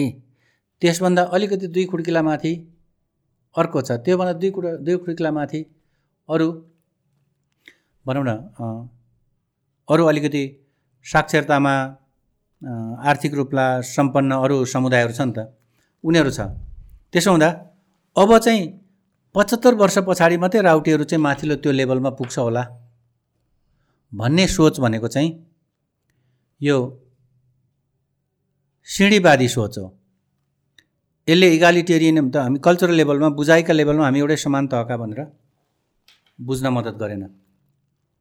हो कि त्यसो हुँदा जस्तोसुकै जीवन प्रणालीमा होस् जस्तोसुकै आर्थिक आर्थिक सामाजिक जीवन प्रणालीमा ज जस्तोसुकै एउटा प्रथाहरूमा भए पनि उनीहरू विभिन्न खालका कल्चरल कस्टमरी र सोसियल प्र्याक्टिसेसका आधारमा डिफ्रेन्ट सोसाइटिजहरू पनि अहिलेको समकालिक समयमा विभिन्न फरक जोग्राफीहरूमा बाँचेका समकालिक समाजहरू हुन् र उनीहरूको स्तर एउटै हो सांस्कृतिक रूपमा।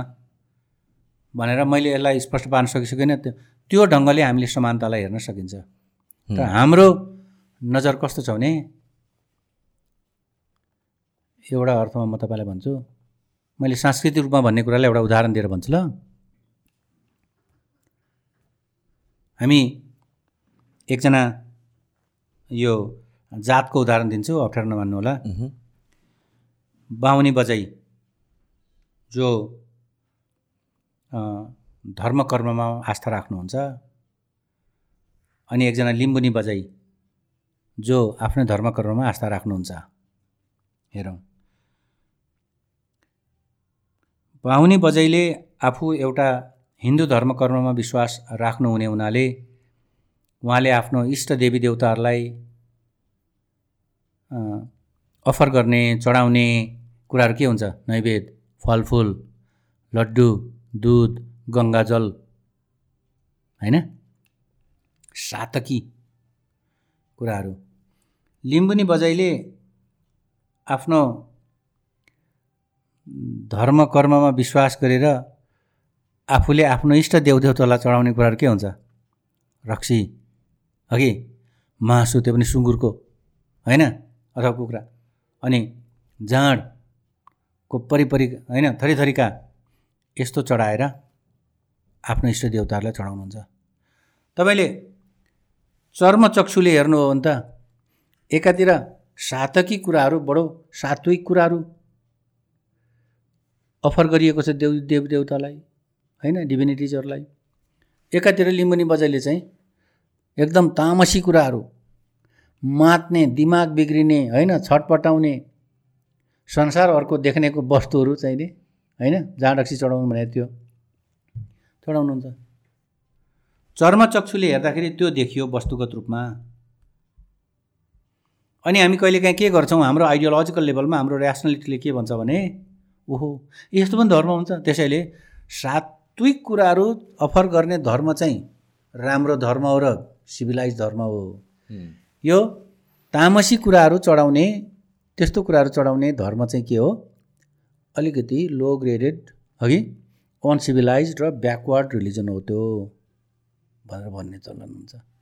मैले कि तपाईँलाई हामीले कल्चरल लेभलमा त्यसका सारमा त्यसको अर्थमा हेऱ्यौँ भने चाहिँ त्यो समानता देख्न सक्छौँ। भनेपछि सात्विक तत्त्वहरू चढाएर बाहुनी बजैले महसुस गर्ने जुन सर्वोच्च आध्यात्मिक आनन्दबोध छ त्यो र तामसी भोजनहरू जाँड रक्सी र मासु आफ्नो इष्ट देवी देवतालाई चढाएर प्राप्त गर्ने र महसुस गर्ने लिम्बुनी बजाइले महसुस गर्ने आध्यात्मिक जुन सर्वोच्च आनन्दबोध छ त्यसको तह त एउटै हो नि त।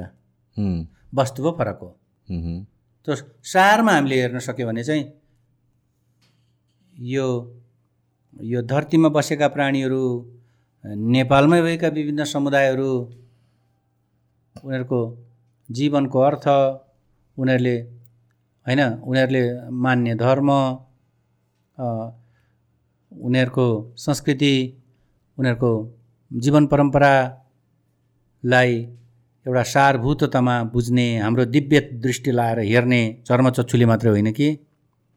त्यो भने चाहिँ सबै समान छन् भनेर बुझ्न सकिन्छ। इरेस्पेक्टिभ अफ के त भन्दाखेरि हामी कसरी समाज निर्माण गर्छौँ।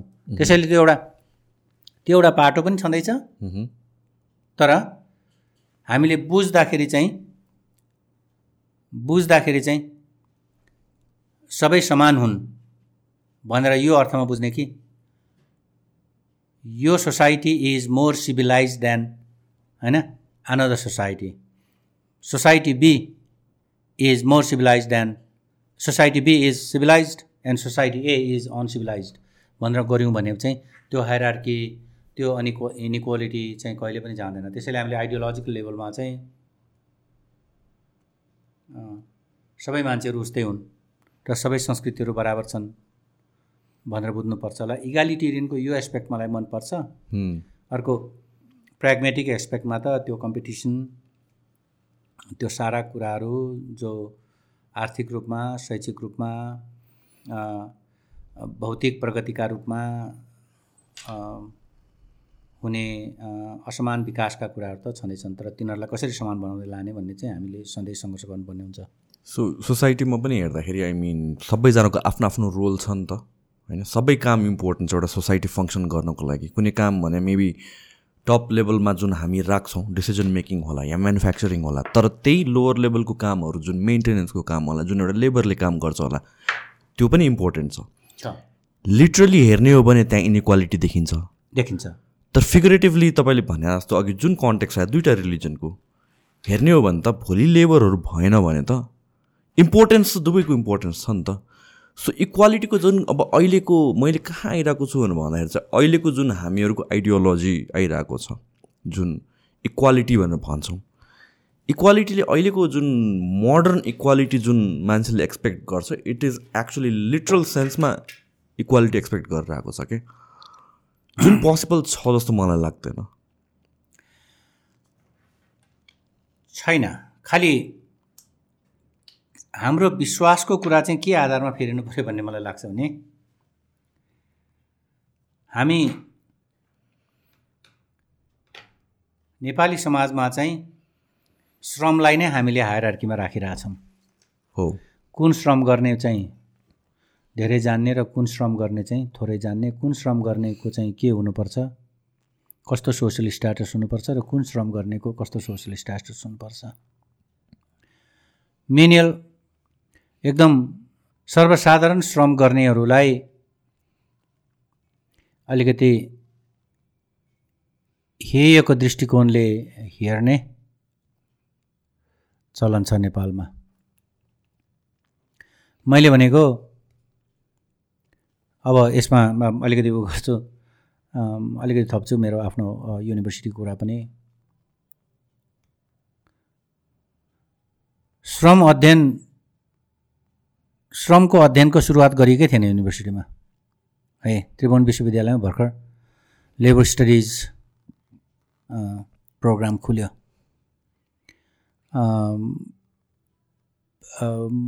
म आफै पनि to some extent I was also instrumental in establishing that program थियो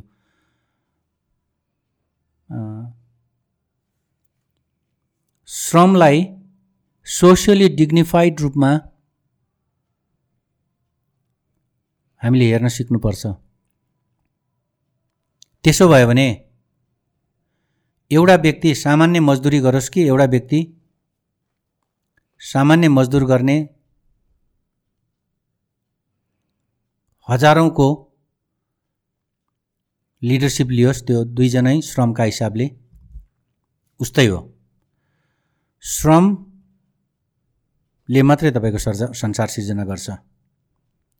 हामी अचानक भाषाबाट श्रममा छिर्यौँ। यो विषयले विषयान्तर भए जस्तो भयो। भाषा र संरचनाबारे अलिकति कुरा गर्ने मन छ अलिकति रमाइलो एकछिनमा गरौँला। तर तर यसमा नेपाली सामाजिक संरचना यसरी आयो कि जात व्यवस्थामा आधारित संरचना? श्रमकै कुरा पनि हायरार्कीमा राखेर ल्यायो के कास्ट सिस्टमले? जो हिन्दू दर्शनबाट आयो। Brahmins are the Brahmins are the owners of knowledge ज्ञानका स्रोतहरू हुन् ब्राह्मण भनेको। क्षेत्रीय भनेको चाहिँ सत्ता र शक्तिका स्रोतहरू हुन्। वैश्यहरू भनेको खेतीपाती र उनीहरू अन्न उत्पादनका उहरू हुन् व्यापारका कुराहरू हुन् उनीहरूले समाजमा समाजलाई आवश्यकता आवश्यक भएको धन उत्पादन गर्छन्। अनि शूद्रहरू भनेको चाहिँ सेवक श्रमका रूपमा पनि उनीहरू सेवकहरू हुन्। उनीहरू दुनियाँको सेवा गर्नुपर्छ। यस्तो खालको फिलोसफीमा यो खालको अन्डरस्ट्यान्डिङमा जात व्यवस्था अगाडि बढो। अघि बिचमा अर्को एउटा नेपालीमा त नेपालको कास्ट सिस्टममा त मतवाली भन्ने जात छ लिकर ड्रिङ्कर भन्छ होइन? तर कसले के श्रम गर्न पाउने? भनौँ न ब्राह्मणहरूले हलो जोत्नु हुँदैन भन्थ्यो नि त होइन? अहिले त त्यो छैन बिस्तारै बिस्तारै हामी उत्पादन प्रणालीको नयाँ उमा छौँ। तर हाम्रो स्ट्रक्चर हाम्रो माइन्ड सेट नभएको त्यो संरचनामा विकसित भएको र अन्तर्निहित भएको जुन हु डज वाट कसले के श्रम गर्नुपर्छ र कुन श्रमको समाजमा के भ्यालु हुन्छ? भन्ने कुरा एकदम हायरार्कीमा स्तरीकरणमा तयकरणमा बुझ्ने हेर्ने कुराहरू भयो। अब तर त्यो सबै खाले श्रम उत्तिकै महत्त्वका साथ हेरिनुपर्छ र श्रमलाई वास्तवमा हायरार्कीमा राखिनुहुन्न। अनि राखिएन भने त्यताबाट पनि एउटा त्यो इगालिटेरियनिजमको एक खालको दृष्टिकोण चाहिँ विकसित भएर जान्छ। जस्तो भनौँ न युरोपबाट नर्थ अमेरिकाबाट कतिपय साथीहरू यता आउनुहुन्छ नेपाल घुम्न आउनुहुन्छ माउन्टेन हेर्न मन लाग्छ होइन हिमालय। यहाँको प्रिस्टाइन त्यो नेचुरल ब्युटीहरू हेर्नु मन लाग्छ। तपाईँ के गर्नुहुन्छ? हाम्रो यहाँ सोध्छ क्या यहाँ जा जात सोध्ने चलन छ नि त। यहाँ केमा पढ्नुभयो? भन्छ गोरा देखेपछि पनि के होइन म प्लम्बिङ गर्छु भन्छ। होइन? म चाहिँ ह्यान्डिम्यान हो। ह्यान्डिम्यान भनेको चाहिँ कसैको छाना बिग्रियो भने छाना पनि मर्मत गरिदिइहाल्ने कसैको धारा बिग्रियो धारा पनि गरिदिइहाल्ने कसैको गराज बिग्रियो भने गराज पनि मर्मत गरिदिने सबै जान्ने क्या टाकटुक गऱ्यो गऱ्यो गऱ्यो गऱ्यो गऱ्यो गऱ्यो होइन? छ महिना निरन्तर काम गऱ्यो आठ महिना निरन्तर काम गऱ्यो दुई महिना चाहिँ ल म माउन्ट एभरेस्ट बेस क्याम्पतिर जान्छु। घुम्न जानेहरू होइन? उतापट्टि के गर्नुहुन्छ कोही कार्पेन्टर? अब यहाँ सिकर्मी भन्न लाज लाग्छ क्या यहाँ। कमाउँदै गयो भने होइन? म कार्पेन्टर छु। म कार्पेन्ट्री गर्छु। नौ महिना दस महिना काम गर्छु एक महिना घुम्न जान्छु। कहिले एन्डिजमा जान्छु कहिले हिमालयमा जान्छु होइन? त्यो श्रमको श्रमलाई हायरार्कीमा नरेखी नराखिकन। इनइक्वालिटी छ पेमेन्टका हिसाबले तपाईँले सम्पत्ति आर्जन तर पनि हाम्रोमा त श्रमलाई पनि चाहिँ हायरार्कीमा राखेर हेर्ने चलन छ। त्यताबाट पनि हामी मुक्त हुनुपर्छ। जस्तो लाग्छ यसभित्र मैले। त्यसैले श्रमलाई कसरी हेर्ने? एउटा डिग्निफाइड नजरले श्रमलाई हेर्न सिक्ने। श्रम बिना संसार सम्भव छैन र सबै खालको श्रम गर्नेहरू एउटै तहका हुन्। होइन irrespective of economic inequality respective of educational inequality fundamentally दुवै नै श्रम नै गर्ने हो सबै खाले मान्छेले। त श्रमलाई नै हामीले अनइक्वल रिलेसन्समा चाहिँ नहेरौँ। सो त्यताबाट पनि एक खालको हामी श्रमिक हौँ। फरक फरक श्रम गर्छौँ। त फरक फरक श्रम गरे पनि हामी सबै उस्तै श्रमिक हौँ भनेर हेर्दा पनि एक खालको समानतायुक्त सोच आउँछ जस्तो लाग्छ। सो मैले खालि भन्नु खोजेको थिएँ नि। युरोप नर्थ अमेरिकातिर श्रमलाई चाहिँ एउटा जुन डिग्निफाइड वेमा हेरिन्छ हाम्रोमा चाहिँ हायरार्कीमा किन लगियो होला भन्ने लाग्यो मलाई। सो यो इक्वालिटीकै कुरा गर्दाखेरि पनि आई मिन इक्वालिटी आउटकमको इक्वालिटी त पोसिबल छैन होइन? ह्युमन फ्याक्टर्सहरू आउँछ। देखिन्न। होइन? त्यो पोसिबल नै छैन नि। म म म कम काम गर्न सक्छु या मलाई म नट एज इन्टेन्स काम नगरौँला। या different फ्याक्टर्सहरू as a humans emotions us being emotional beings machine त होइन हन्ड्रेड पर्सेन्ट एफिसियन्सी त हुँदैन। सो त्यो डिस्क्रिपेन्सिस त आउँछ नै from one person to another तर इक्वालिटी अफ अपर्च्युनिटी पोसिबल छ कि छैन? होइन त्यो रिलेटिभ कुरा हो। तर एब्सोल्युट इक्वालिटी अफ अपर्च्युनिटिज चाहिँ सम्भव नहुने भयो। हामी हिजो हामीले यो इक्वालिटीको समानताका कुरा समाजवादको कुरा साम्यवादको कुरा गरेको त करिब करिब डेढ सय वर्ष भयो नि त गर्न थालेको। अनि त्यो खालको शासन व्यवस्थाहरू आउनुपर्छ भनेर भने त्यति बेला एक खालको क्यापिटलिजम थियो। संसारभरि एक खालको उत्पादन प्रणाली फरक खालको उत्पादन प्रणाली त्यो थियो अहिले अहिले अहिले हामी फाइनेन्सियल क्यापिटलिजममा छौँ। वित्तीय पुँजीवाद बन्छ। सेयर अघि गजबको साम्यवादमा पुग्न सकिन्छ भनेर विश्वास गर्ने साथीहरू पनि एउटा अमुक कम्पनीको सेयर खुलेको बेलामा होइन? आफ्नै चाहिँ नि औँठी सौठी यसो बन्दकी राखेर पैसा निकालेर सेयर किन्न लाइन लागेर तपाईँ देख्नुहुन्छ नि। हो। जब तपाईँलाई सेयर किन्ने लाइन लाग्छ सेयर किन्नमा इच्छा जाग्छ नि तपाईँमा पुँजीवादी प्रवृत्ति आयो के?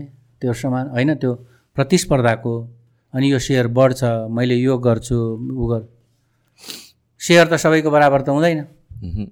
अनेक हुन्छ होइन? सेयर धनी त हुन्छ कोही पाँचवटा सेयरको धनी हुन्छ कोही चाहिँ पाँच लाख सेयरको धनी हुन्छ। प्रवृत्तिगत हिसाबले हामी हिसाबले हामी एउटा कम्पिटिस कम्पिटिसन र त्यो असमानतातिर जाँदैछौँ। तर हामीले त्यही मात्रै भनेर फेरि हामीलाई सन्च हुनेवाला छैन होइन? तपाईँ हेर्नुहोस् न। Bill Gates. BA level incomplete होइन? माइक्रोसफ्ट मार्क जुकरबर्ग उनीहरू पनि त बिए लेभल इन्कम्प्लिट होइन? यसो साथी गफसप गर्नु केही सरसल्लाह गर्नु फेसबुक अहिले हो नि हावामा यहाँ फेसबुक हामीलाई नचलाइ भएको छैन उसको पैसा खस्या खसै छ। होइन? के कोदालो खन्या हो र उसले? होइन नि त। हलो जोत्या हो र ट्र्याक्टर चलाएको हो र इन्डस्ट्रीमा नि पुरा छैन त। एउटा एउटा कुनै उद्देश्यका लागि उद्देश्यपूर्तिका लागि त्यो टक्क होइन? र सँगसँगै सल्लाह गरौँ सँगसँगै चाहिँ नि उ गरौँ भनेर एउटा समूह खोलेको। आमा के भयो त अहिले? भनेपछि त्यो इकोनोमिकल्ली को कता जान्छ भन्ने कुरा नि यो अहिले त्यो जादु हुन्छ के? हिजो जादुगरले हावामा रुमाल हल्लाएर पैसा झार्या जस्तो त्यो चाहिँ नक्कली पैसा हो कि के हो पैसा हो होइन अहिले हेर्नु न होइन। हावामा हात हल्लाएर के के गरेर के के गरेर अहिले तपाईँ मान्छे धनी हुन्छ भर्चुअली काम गरेर ऊ हुन्छ भनेपछि हामी काम गर्ने अपर्च्युनिटिजहरू पनि हामी एक खालको अघि श्रम गरिराख्यौँ नि होइन? अहिले काठमाडौँमा कतिपय साथीभाइहरू दिनभरि अँध्यारो रुममा बसेरै होइन? वेबमा काम गरेरै नेट सिस्टममा काम गरेरै धनी भइराख्नु भएको छ। त तपाईँले त्यो छेक्न सक्ने रोक्न सक्ने तपाईँले त्यो केही नियमन गर्न सक्ने होइन म योलाई अगाडि बढ्न दिन्न समान स्तरमै राख्छु भन्न सक्ने स्थितिभन्दा फरक खालको उत्पादन प्रणालीहरूको विकास भइसक भइराखेको छ के? अनि सो मान्छेले आफ्नो ज्ञानअनुसार श्रम गर्छ। तर खालि हामीले के चाहिँ भन्नु भएन भने त्यसो गरेर दिनमा एक लाख रुपियाँ कमाउने चाहिँ भयङ्कर ठुलो मान्छे हो उसका चाहिँ नि सब सर्भिएन्ट भएर हामी बाँच्नुपर्छ र त्यसै होइन हामी केही नगरेर दिनमा एक हजारमा बाँच्नुपर्ने मान्छे हामी सामना साना चाहिँ भन्नु हुँदैन क्या दोहीको उस्तै श्रम हो। होइन एउटा मानवीयताको दृष्टिकोण त्यो त्यो त्यो दृष्टिकोणले चाहिँ हामी समानताको सन्दर्भलाई स्थापित गर्न सक्छौँ मलाई जस्तो लाग्छ। र एउटा डेमोक्रेटिक कन्ट्रीको सिटिजन भनेको त चाहे जुन स्टेटस हो सबैजना इक्वल नै हो त्यो लेभलबाट त। त्यसरी हुनुपर्ने हो। हजुर। तर प्र्याक्टिकलिटीमा त डिफ्रेन्स त छ सानोतिनो भए पनि। हो एकदमै। एकदमै छ। त्यो प्र्याग्मेटिक लेभलमा त्यो सम्भव छैन। तर कन्सेप्चुअल लेभलमा र थ्योरेटिकल लेभलमा हामीले त्यता विश्वास गरेर अगाडि बढ्नुपर्ने हुन्छ। होइन भने you'll stop where you are अगाडि बढ्ने खालको कोसिसहरू हुँदैन। यति नै त छ नि जिन्दगीका भनेर। त्यो चाहिँ गर्ने होइन।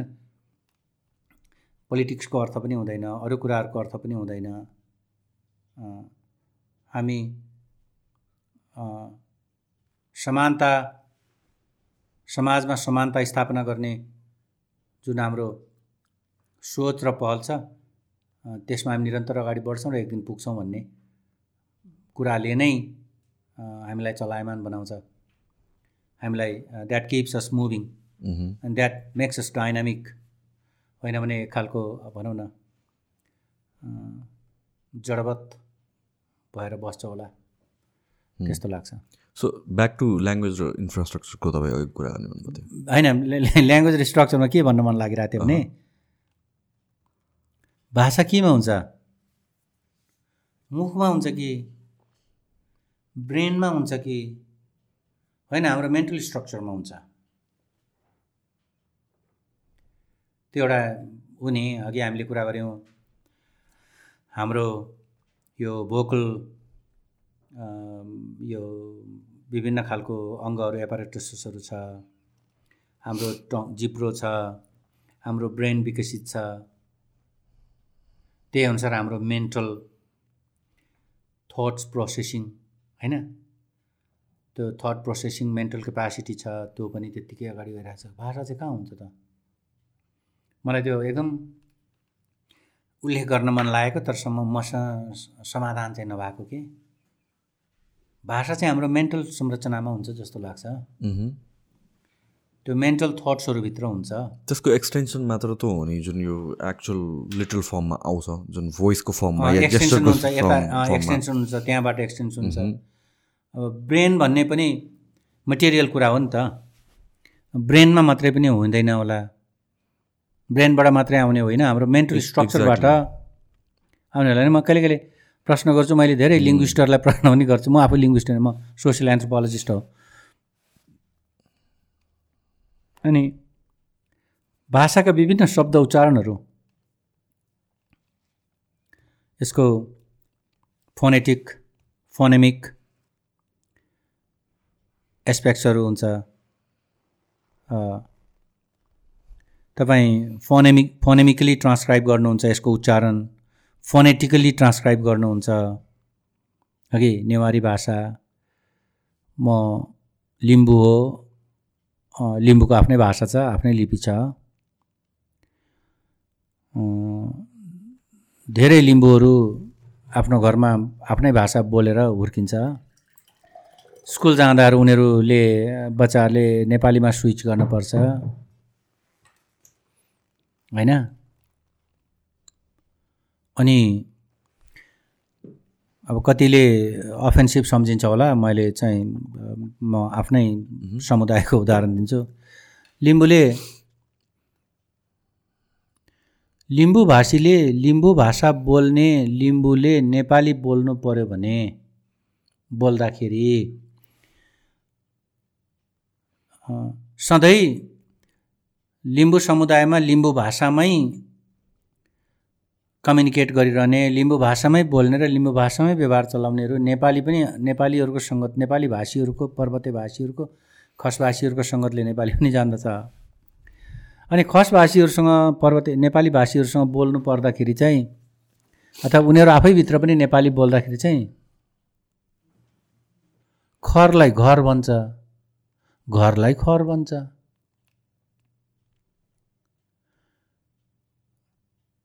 घुँडा भन्नु पऱ्यो भने खुँडा भन्छ। हाम्रो घुँडा खुट्टाको। हगि फेरि यो हतियार खुँडा भन्नु भने घुँडा भन्छ। घोडालाई खोडा भन्छ। ख र घ दुवै छ। उच्चारण यस त्यो भाषामा। किनभने लिम्बू भाषाभित्रै ख पनि आउँछ घ पनि आउँछ। होइन? अनि तर लिम्बू भाषाभित्र चाहिँ ख खमै उप प्रयोग हुन्छ घ घमै प्रयोग हुन्छ होइन? फेरि नेपालीमा स्विच गर्दाखेरि चाहिँ ख भन्नुपर्नेमा घ भएर जान्छ घ भन्नुपर्नेमा ख भएर जान्छ। के भएर त्यो चाहिँ? त्यो के भएर होला? त्यसैले त्यो संरचनामा हुन्छ र त्यो मेन्टल संरचनाले त्यो स्विच गराउँछ कि त्यस्तो? हाम्रो जिब्रोमा मात्रै भएको भए त जिब्रै फटकारिने कुरामा त घ पनि भन्छ ख पनि भन्छ तर मेन्टल लेभलबाट त्यहाँबाट यता आउँदाखेरि चाहिँ बाटो बिराउँछ कि फेरि खास खास शब्दहरू मात्रै हुन्छ। होइन? नेवारी भाषामा नेवारी भाषा आफैमा त पनि छ ट पनि छ। जब नेपालीमा स्विच गर्छ नेपालीमा स्विच गर्ने बित्तिकै त ट भएर जान्छ ट चाहिँ त भएर जान्छ। अनि मलाई यो भाषाको विशेषतामा त्यो अचम्म लाग्छ। धेरै बोल्दै जाँदाखेरि चाहिँ ऊ होला तर सुरु सुरुमा त्यसरी नै त्यसरी स्विच गरेर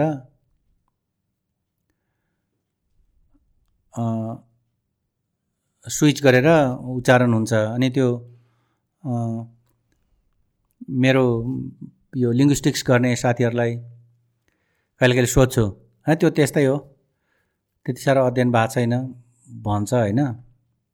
अनि भाषा हामीले बोल्ने भाषा र हाम्रो संरचना। भाषाको स्रोत के हो? हामी जन्मिनुभन्दा अगाडि नै यो भाषा छ नि त। हाम्रो बाआमा हाम्रो बाजे बजे जन्मिनुभन्दा अगाडि नै यो भाषा छ। भनेको भाषा भनेको प्राइमोडियल कुरा। हाम्रो लागि भाषा शाश्वत कुरा हो। हामी व्यक्ति भनेको कुरा गौण कुरा हो। शाश्वत सत्य के हो? भाषा हो। त्यो भाषाले मलाई एउटा भाषी बनाउँछ नि त। त्यो भाषा म सिक्छु। त्यो भाषा बोल्छु। त्यो भाषाको माध्यमबाट म व्यक्ति व्यक्ति हुन्छु। म अहिले संरचना प्रधान कुरा गरेँ अहिले चाहिँ संरचना उन्मुख र संरचना प्राइमेसी अफ संरचना ओभर व्यक्ति कुरा अरे। तर व्यक्तिले नबोलिदिए त फेरि व्यक्तिले बोलिदिएन त भाषाको अर्थ त छैन नि छ त। तपाईँ व्यक्ति म व्यक्ति। होइन? भाषा नभएको भए पनि यो हाम्रो अन्तर्क्रिया हुँदैन थियो। हामीले यो योजनै बनाउने थिएनौँ। यो हाम्रो यो कार्यक्रमै हामीले बनाउने थिएनौँ भाषा नभएको भए। भाषा छ। तर भाषा छ भनेको संरचना छ। अनि फेरि हामी दुई व्यक्तिहरू र हाम्रा क्यामराम्यानहरू भनेको हामी व्यक्तिहरू यहाँनिर भेटघाट भएर नबोलिदिएको भए अन्तर्क्रिया नगरिदिएको भए फेरि यो भाषा भन्ने संरचना बाँच्थ्यो त? यसको एक्जिस्टेन्सको यसको अस्तित्वको अर्थ हुन्थ्यो त सुशान्तजी? हुँदैन थियो। त्यसो हुँदा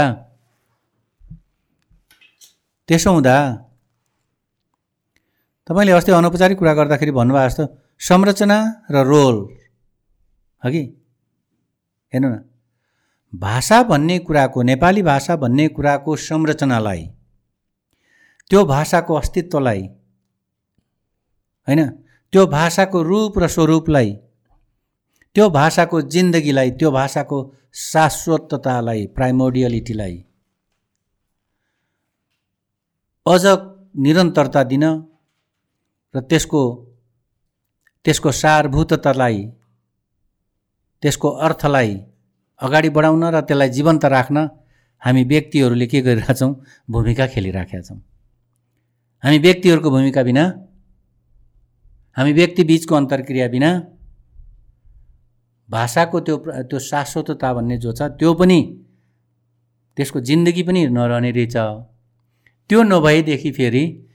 हाम्रो अन्तर्क्रिया पनि सम्भव नहुने रहेछ सो हाम्रो अन्तर्क्रिया भनेको भूमिका हो हामी यस्तो भूमिका व्यक्तिका रूपमा यस्तो भूमिका हामीले अदा गरिराखेका छौँ निर्माण गरिराखेका छौँ र जिम्मेवारी पुरा गरिरहेछौँ कि यो भाषा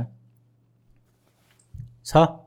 अस्तित्वमा छ जीवन्त छ भनेर त्यो साबित हुन्छ।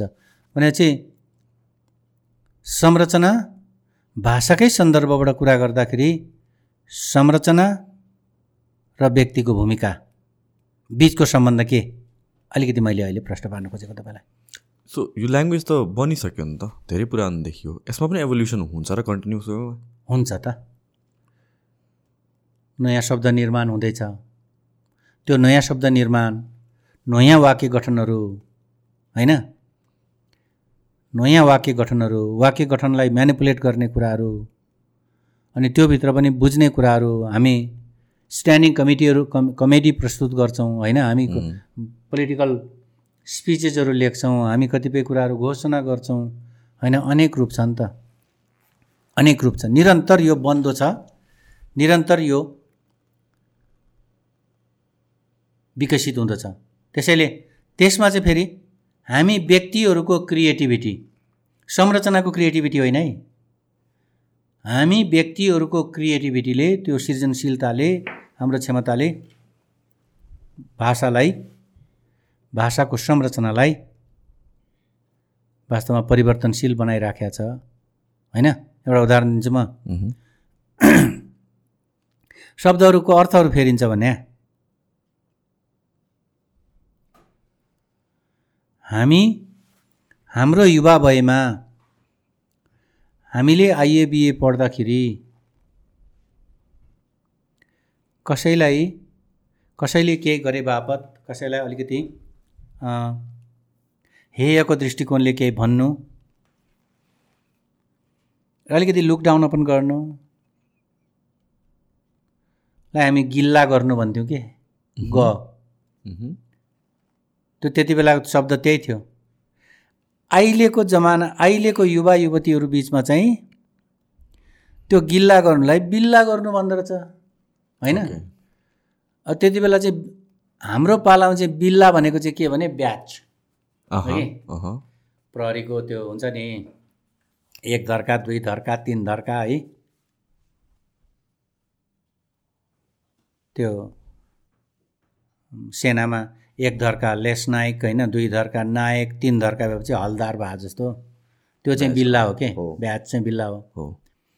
अहिले त ब्याजको बिल्ला त अहिले त गिल्ला हामीले भन्ने गरेको गिल्लामा परिणत भयो। यसरी अहिलेका युवा युवतीले बिल्ला भन्ने शब्दको सिर्जना गरे र अर्थ विस्तार पनि गरे र अर्थ अर्थान्तर पनि अर्थ रूपान्तरण पनि गरे के? तर यो स्ल्याङ स्ल्याङहरू त सबै ल्याङ्ग्वेजमा एक्जिस्ट गर्छ। होइन? स्ल्याङ वर्ड्सहरू त। सक्छ गर्छ। सबैमा गर्छ। यो नेपालीमा स्ल्याङ भन्नुभन्दा अलिकति अझै यो बिस्तारै अब लेख्यमा आउँछ के? फर्मल रूपमै आउँछ। सोसाइटीमै अहिले बिल्ला हिजोको गिल्लालाई अहिले बिल्ला भन्ने जेनेरेसनले उपन्यास लेख्दा त उसले त बिल्लै लाउँछ नि त होइन? पैँतालिस हजार शब्दको एउटा उपन्यास लेख्यो एक लाख शब्दको एउटा उपन्यास कहीँ न कहीँ बिल्ला आइहाल्छ कि? आज मलाई बिल्ला गरे भन्छ जो चाहिँ हामीलाई बुझ्नको लागि अलिकति प्रयास गर्नुपर्छ तर अब हामी रूपान्तरित हुन्छौँ हिजोको मान्छेहरू हिजो हिजो भाषा बोल्ने मान्छेहरू होइन? त्यो सृजनात्मकता अर्थ विस्तार हो कि? अब तपाईँ त्यो भनौँ न मरिच भन्यो भने फारसीमा अथवा उतापट्टि पश्चिम पुरै उतापट्टि फारसीतिर हुनसक्छ उर्दूमा पनि हो कि? समस्त पिरोलाई बताउँछ। होइन? मरिच मिर्च मसाला भन्छ नि होइन? पिरो मसाला थाहा छ नि होइन? हाम्रोमा आएपछि के हुन्छ? यहाँ नेपालीमा आएपछि मरिच भन्यो भने चाहिँ चाउरी परेको एउटा खास पिरो हो कि? सानो। हो। मसलाको एउटा उसलाई मात्रै बताउँछ। तर मिर्च भनेको त खुर्सानी होइन र। मिर्च मसाला खुर्सानीबाट होइन हामी नेपालीमा पो खुर्सानी मात्रै हो त। मिर्च भने उता त सबै खालको पिरो कुरा। हो र। मैले त खुर्सानीलाई नै भन्छ होला अनि हामी अर्थ विस्तार अर्थ सङ्कुचन अर्थ विस्तार यसरी मान्छेको त्यो मान्छेमा भएको सृजनशीलताले बिस्तारै संरचनामा संरचनालाई जीवन्त पनि बनाउँछ संरचनालाई परिवर्तनशील पनि बनाउँछ। भाषाको सन्दर्भमा अलिकति भन्न मन लागेको कुरा। सो ल्याङ्ग्वेज जुन छ नि त प्योरेस्ट फर्ममा एउटा आयो जुन लिङ्ग्विस्टहरूसँग कुरा गर्दाखेरि चाहिँ उहाँहरूले चाहिँ प्योर फर्म नै युज गरौँ भनेर भन्छ यो यसरी इभल्भ हुनुहुन्छ कि हुँदैन? लिङ्ग्विस्टहरूले प्योर फर्ममा भाषाको उपयोग गरौँ भनेर धरै पाउँदैन नि। समाजमा परिवर्तन भइरहन्छ होइन? व्याकरण परिवर्तन हुन्छ। व्याकरण भनेको लेख्ने भनेको एउटा नियम हो। होइन? यो भाषामा यो भाषामा यस्तो खालको नियममा बोलिन्छ यसरी लेखिन्छ। त्यो पनि परिवर्तनशील हुन्छ होइन? अहिलेको जमानामा कतिले ह्रस्व दीर्घ पालन गर्छ होला भनौँ न। अघि। तपाईँ दिन दिन लेख्नुभयो भने दलाई इकार दि अनि न लेख्नु भने ह्रस्व लेख्नुहुन्छ कि दीर्घ लेख्नुहुन्छ भन्नु त? रस्व ह्रस्व लेख्नुहुन्छ। त्यो भनेको के हो? दिन। लेफ्टबाट आउँछ। लेफ्टबाट आउनेलाई होइन त्यो भनेको के हो? दिन भनेको के हो? Day day. अह। समय। होइन?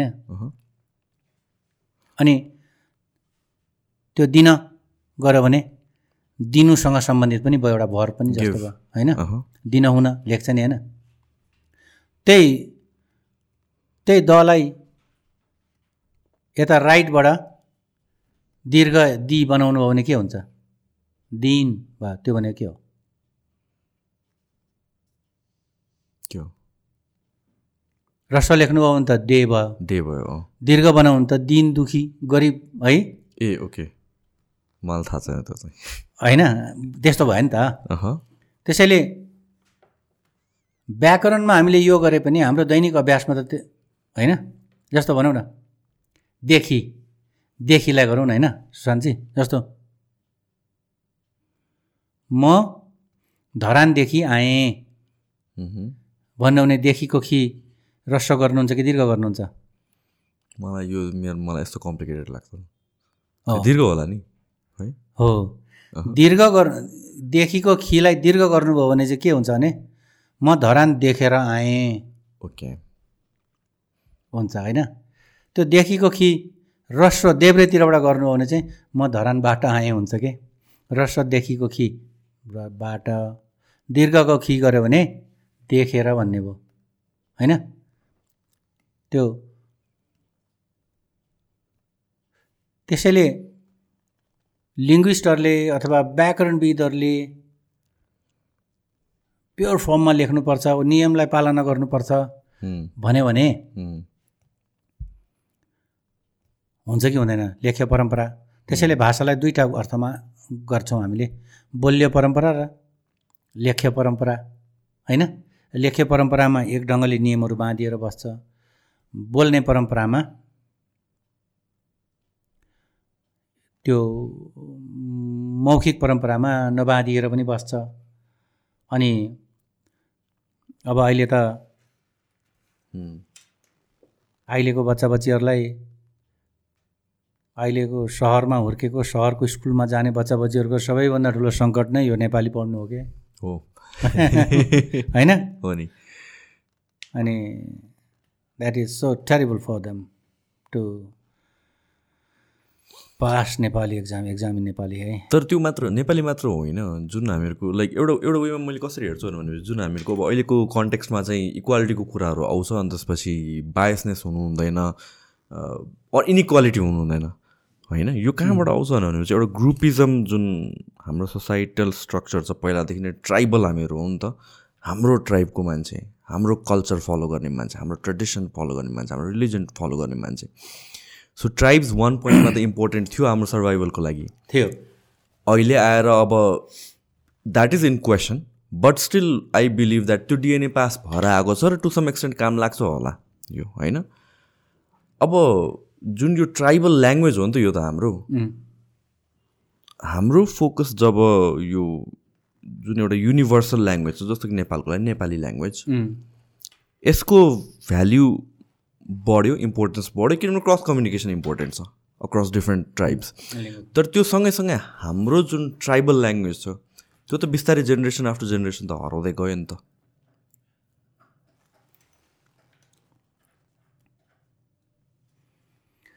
यसमा यसमा एक खालको पोलिटिक्स छ।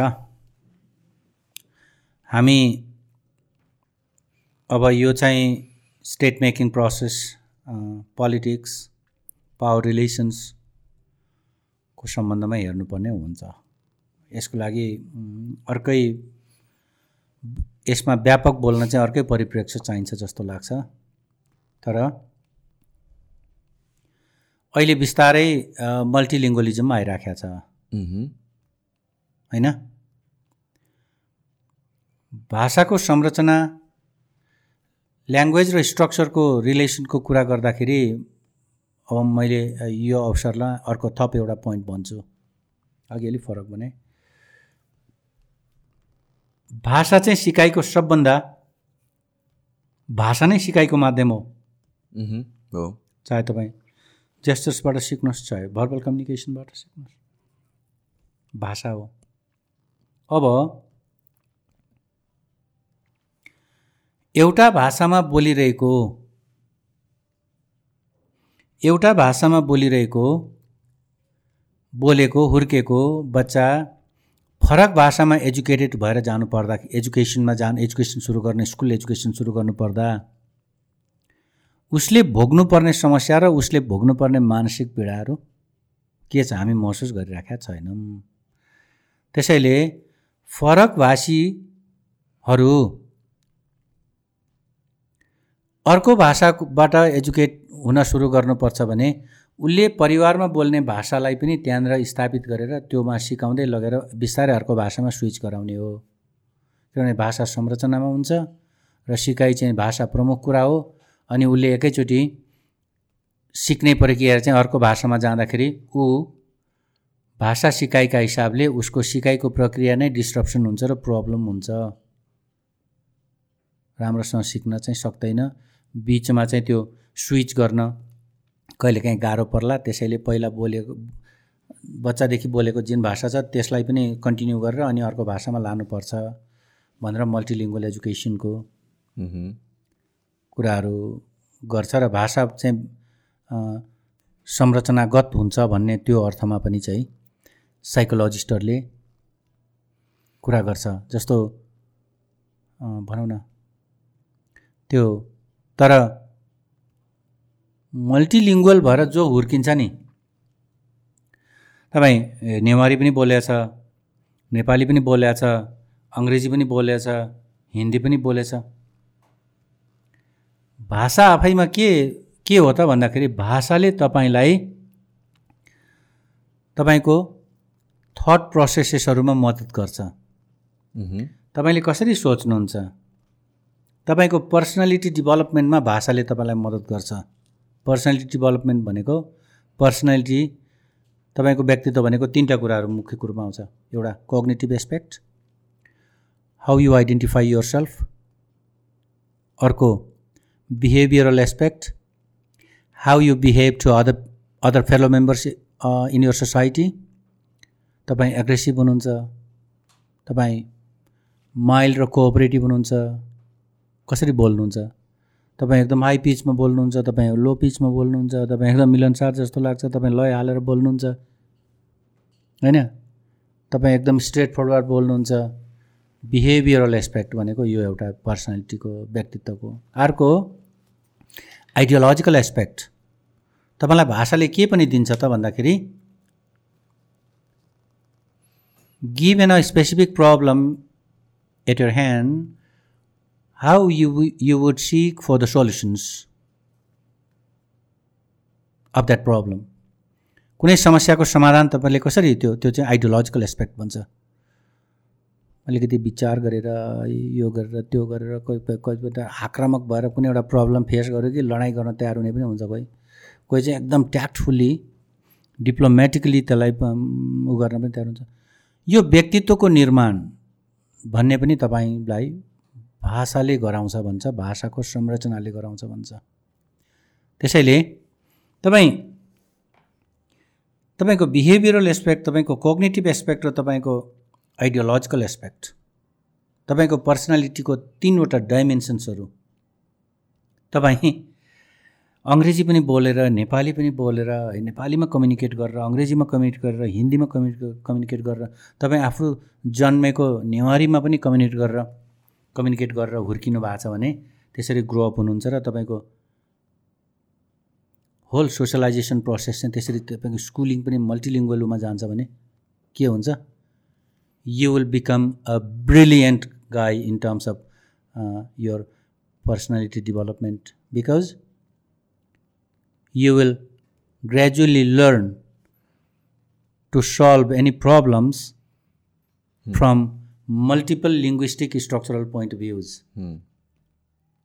Newari भाषाको एउटा संरचना हुन्छ अङ्ग्रेजी भाषाको एउटा संरचना हुन्छ नेपाली भाषाको एउटा संरचना हुन्छ हिन्दीको चारवटै उत्तिकै बोलेर होइन चारवटै उत्तिकै कम्युनिकेट गरेर गऱ्यो भने त्यो थट प्रोसेसिङ पनि त्यो लेभलमा हाम्रो बाल्यकालमा हाम्रो रिसेप्टिभ क्यापासिटी अब हाम्रो उमेर मेरो उमेर भएपछि अब म डल हुँदै जान्छु मेरो त्यो हुँदैन त्यो क्यापासिटी त्यो रिसेप्टिभिटी त्यो लर्निङ क्यापासिटी बाल्यकालमा होइन? तपाईँको यौवन अवस्थामा एकदम इनर्मस क्यापासिटी हुन्छ भन्छ के? सो तर हामी सम्माव के गरेर आयौँ भने त नेपाली चाहिँ लिङ्गो फ्राङ्का हो त्यसैले सबै चाहिँ नेपालीमा स्विच गर्नुपर्छ भन्ने हिसाबले गयौँ त्यसैले पनि हामी अलिकति धेरै नेपालीहरू अलिकति डल डल भयौँ कि जस्तो पनि लाग्छ होइन? अनि अरू भाषाहरू बोल्यो भने अहिलेको भाषामा भन्दा बिल्ला गर्ने होइन? स्कुलमा आएर लिम्बू कुरा बोल्यो भने लिम्बू भाषा बोल्यो भने अब नेपाली भाषाको मिडियम भएको अङ्ग्रेजी भाषाको मिडियम भएकोमा लिम्बू कुरामा लिम्बू भाषामा बोल्यो भने त्यसलाई बिल्ला गर्छ नि होइन? त्यसलाई हामी गिल्ला गर्ने भनेर भन्छ they are look down upon. When they speak their own language तपाईँ नेपालीमा देख्नुहुन्छ नि काठमाडौँमा तमाङ भाषामा बोल्यो भने हिजोको नेरेटिभ्सहरूमा हिजोको रेटोरिक्सहरूमा तपाईँले पाउनुहुन्छ। अर्को भाषा बोल्यो भने अङ्ग्रेजी बोल्यो भने यो गाई खाने भाषा बोल्यो भन्छ होइन? अलिकति हेयको दृष्टिकोणले हेर्न थाल्छ। हामी हाम्रो अरू भाषाप्रति हामीसँग ओपननेस छैन। तपाईँ ओपननेस हुनुभयो भने त्यो भाषाले ल्याउने संरचना पनि तपाईँले इन्टरनलाइज गर्न सक्नुहुन्छ र तपाईँको थट प्रोसेसिङ सिस्टम पनि अझ इलाबोरेट भएर अझ राम्रो भएर जान्छ। भन्छ है अब तर कसैले कुनै भाषा बोल्छ भने हामीले हेयको दृष्टिकोणले हेर्ने हो बिल्ला गर्ने हो भने अघिदेखि हामीले भन्यौँ नि। भाषालाई बुझ्ने सवालमा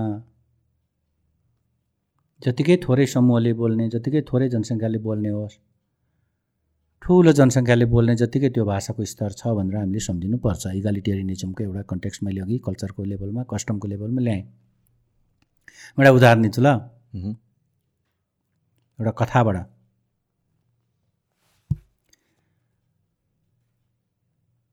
लिम्बू तपाईँ प्राइमेरी एजुकेसनमा एक क्लासमा जाँदाखेरि तपाईँले नेपालको स्कुलहरूमा देख्नुहुन्छ होइन? पिक्चोरियल होइन? त्यो A for apple B for यो त्यो त्यो त्यो होइन?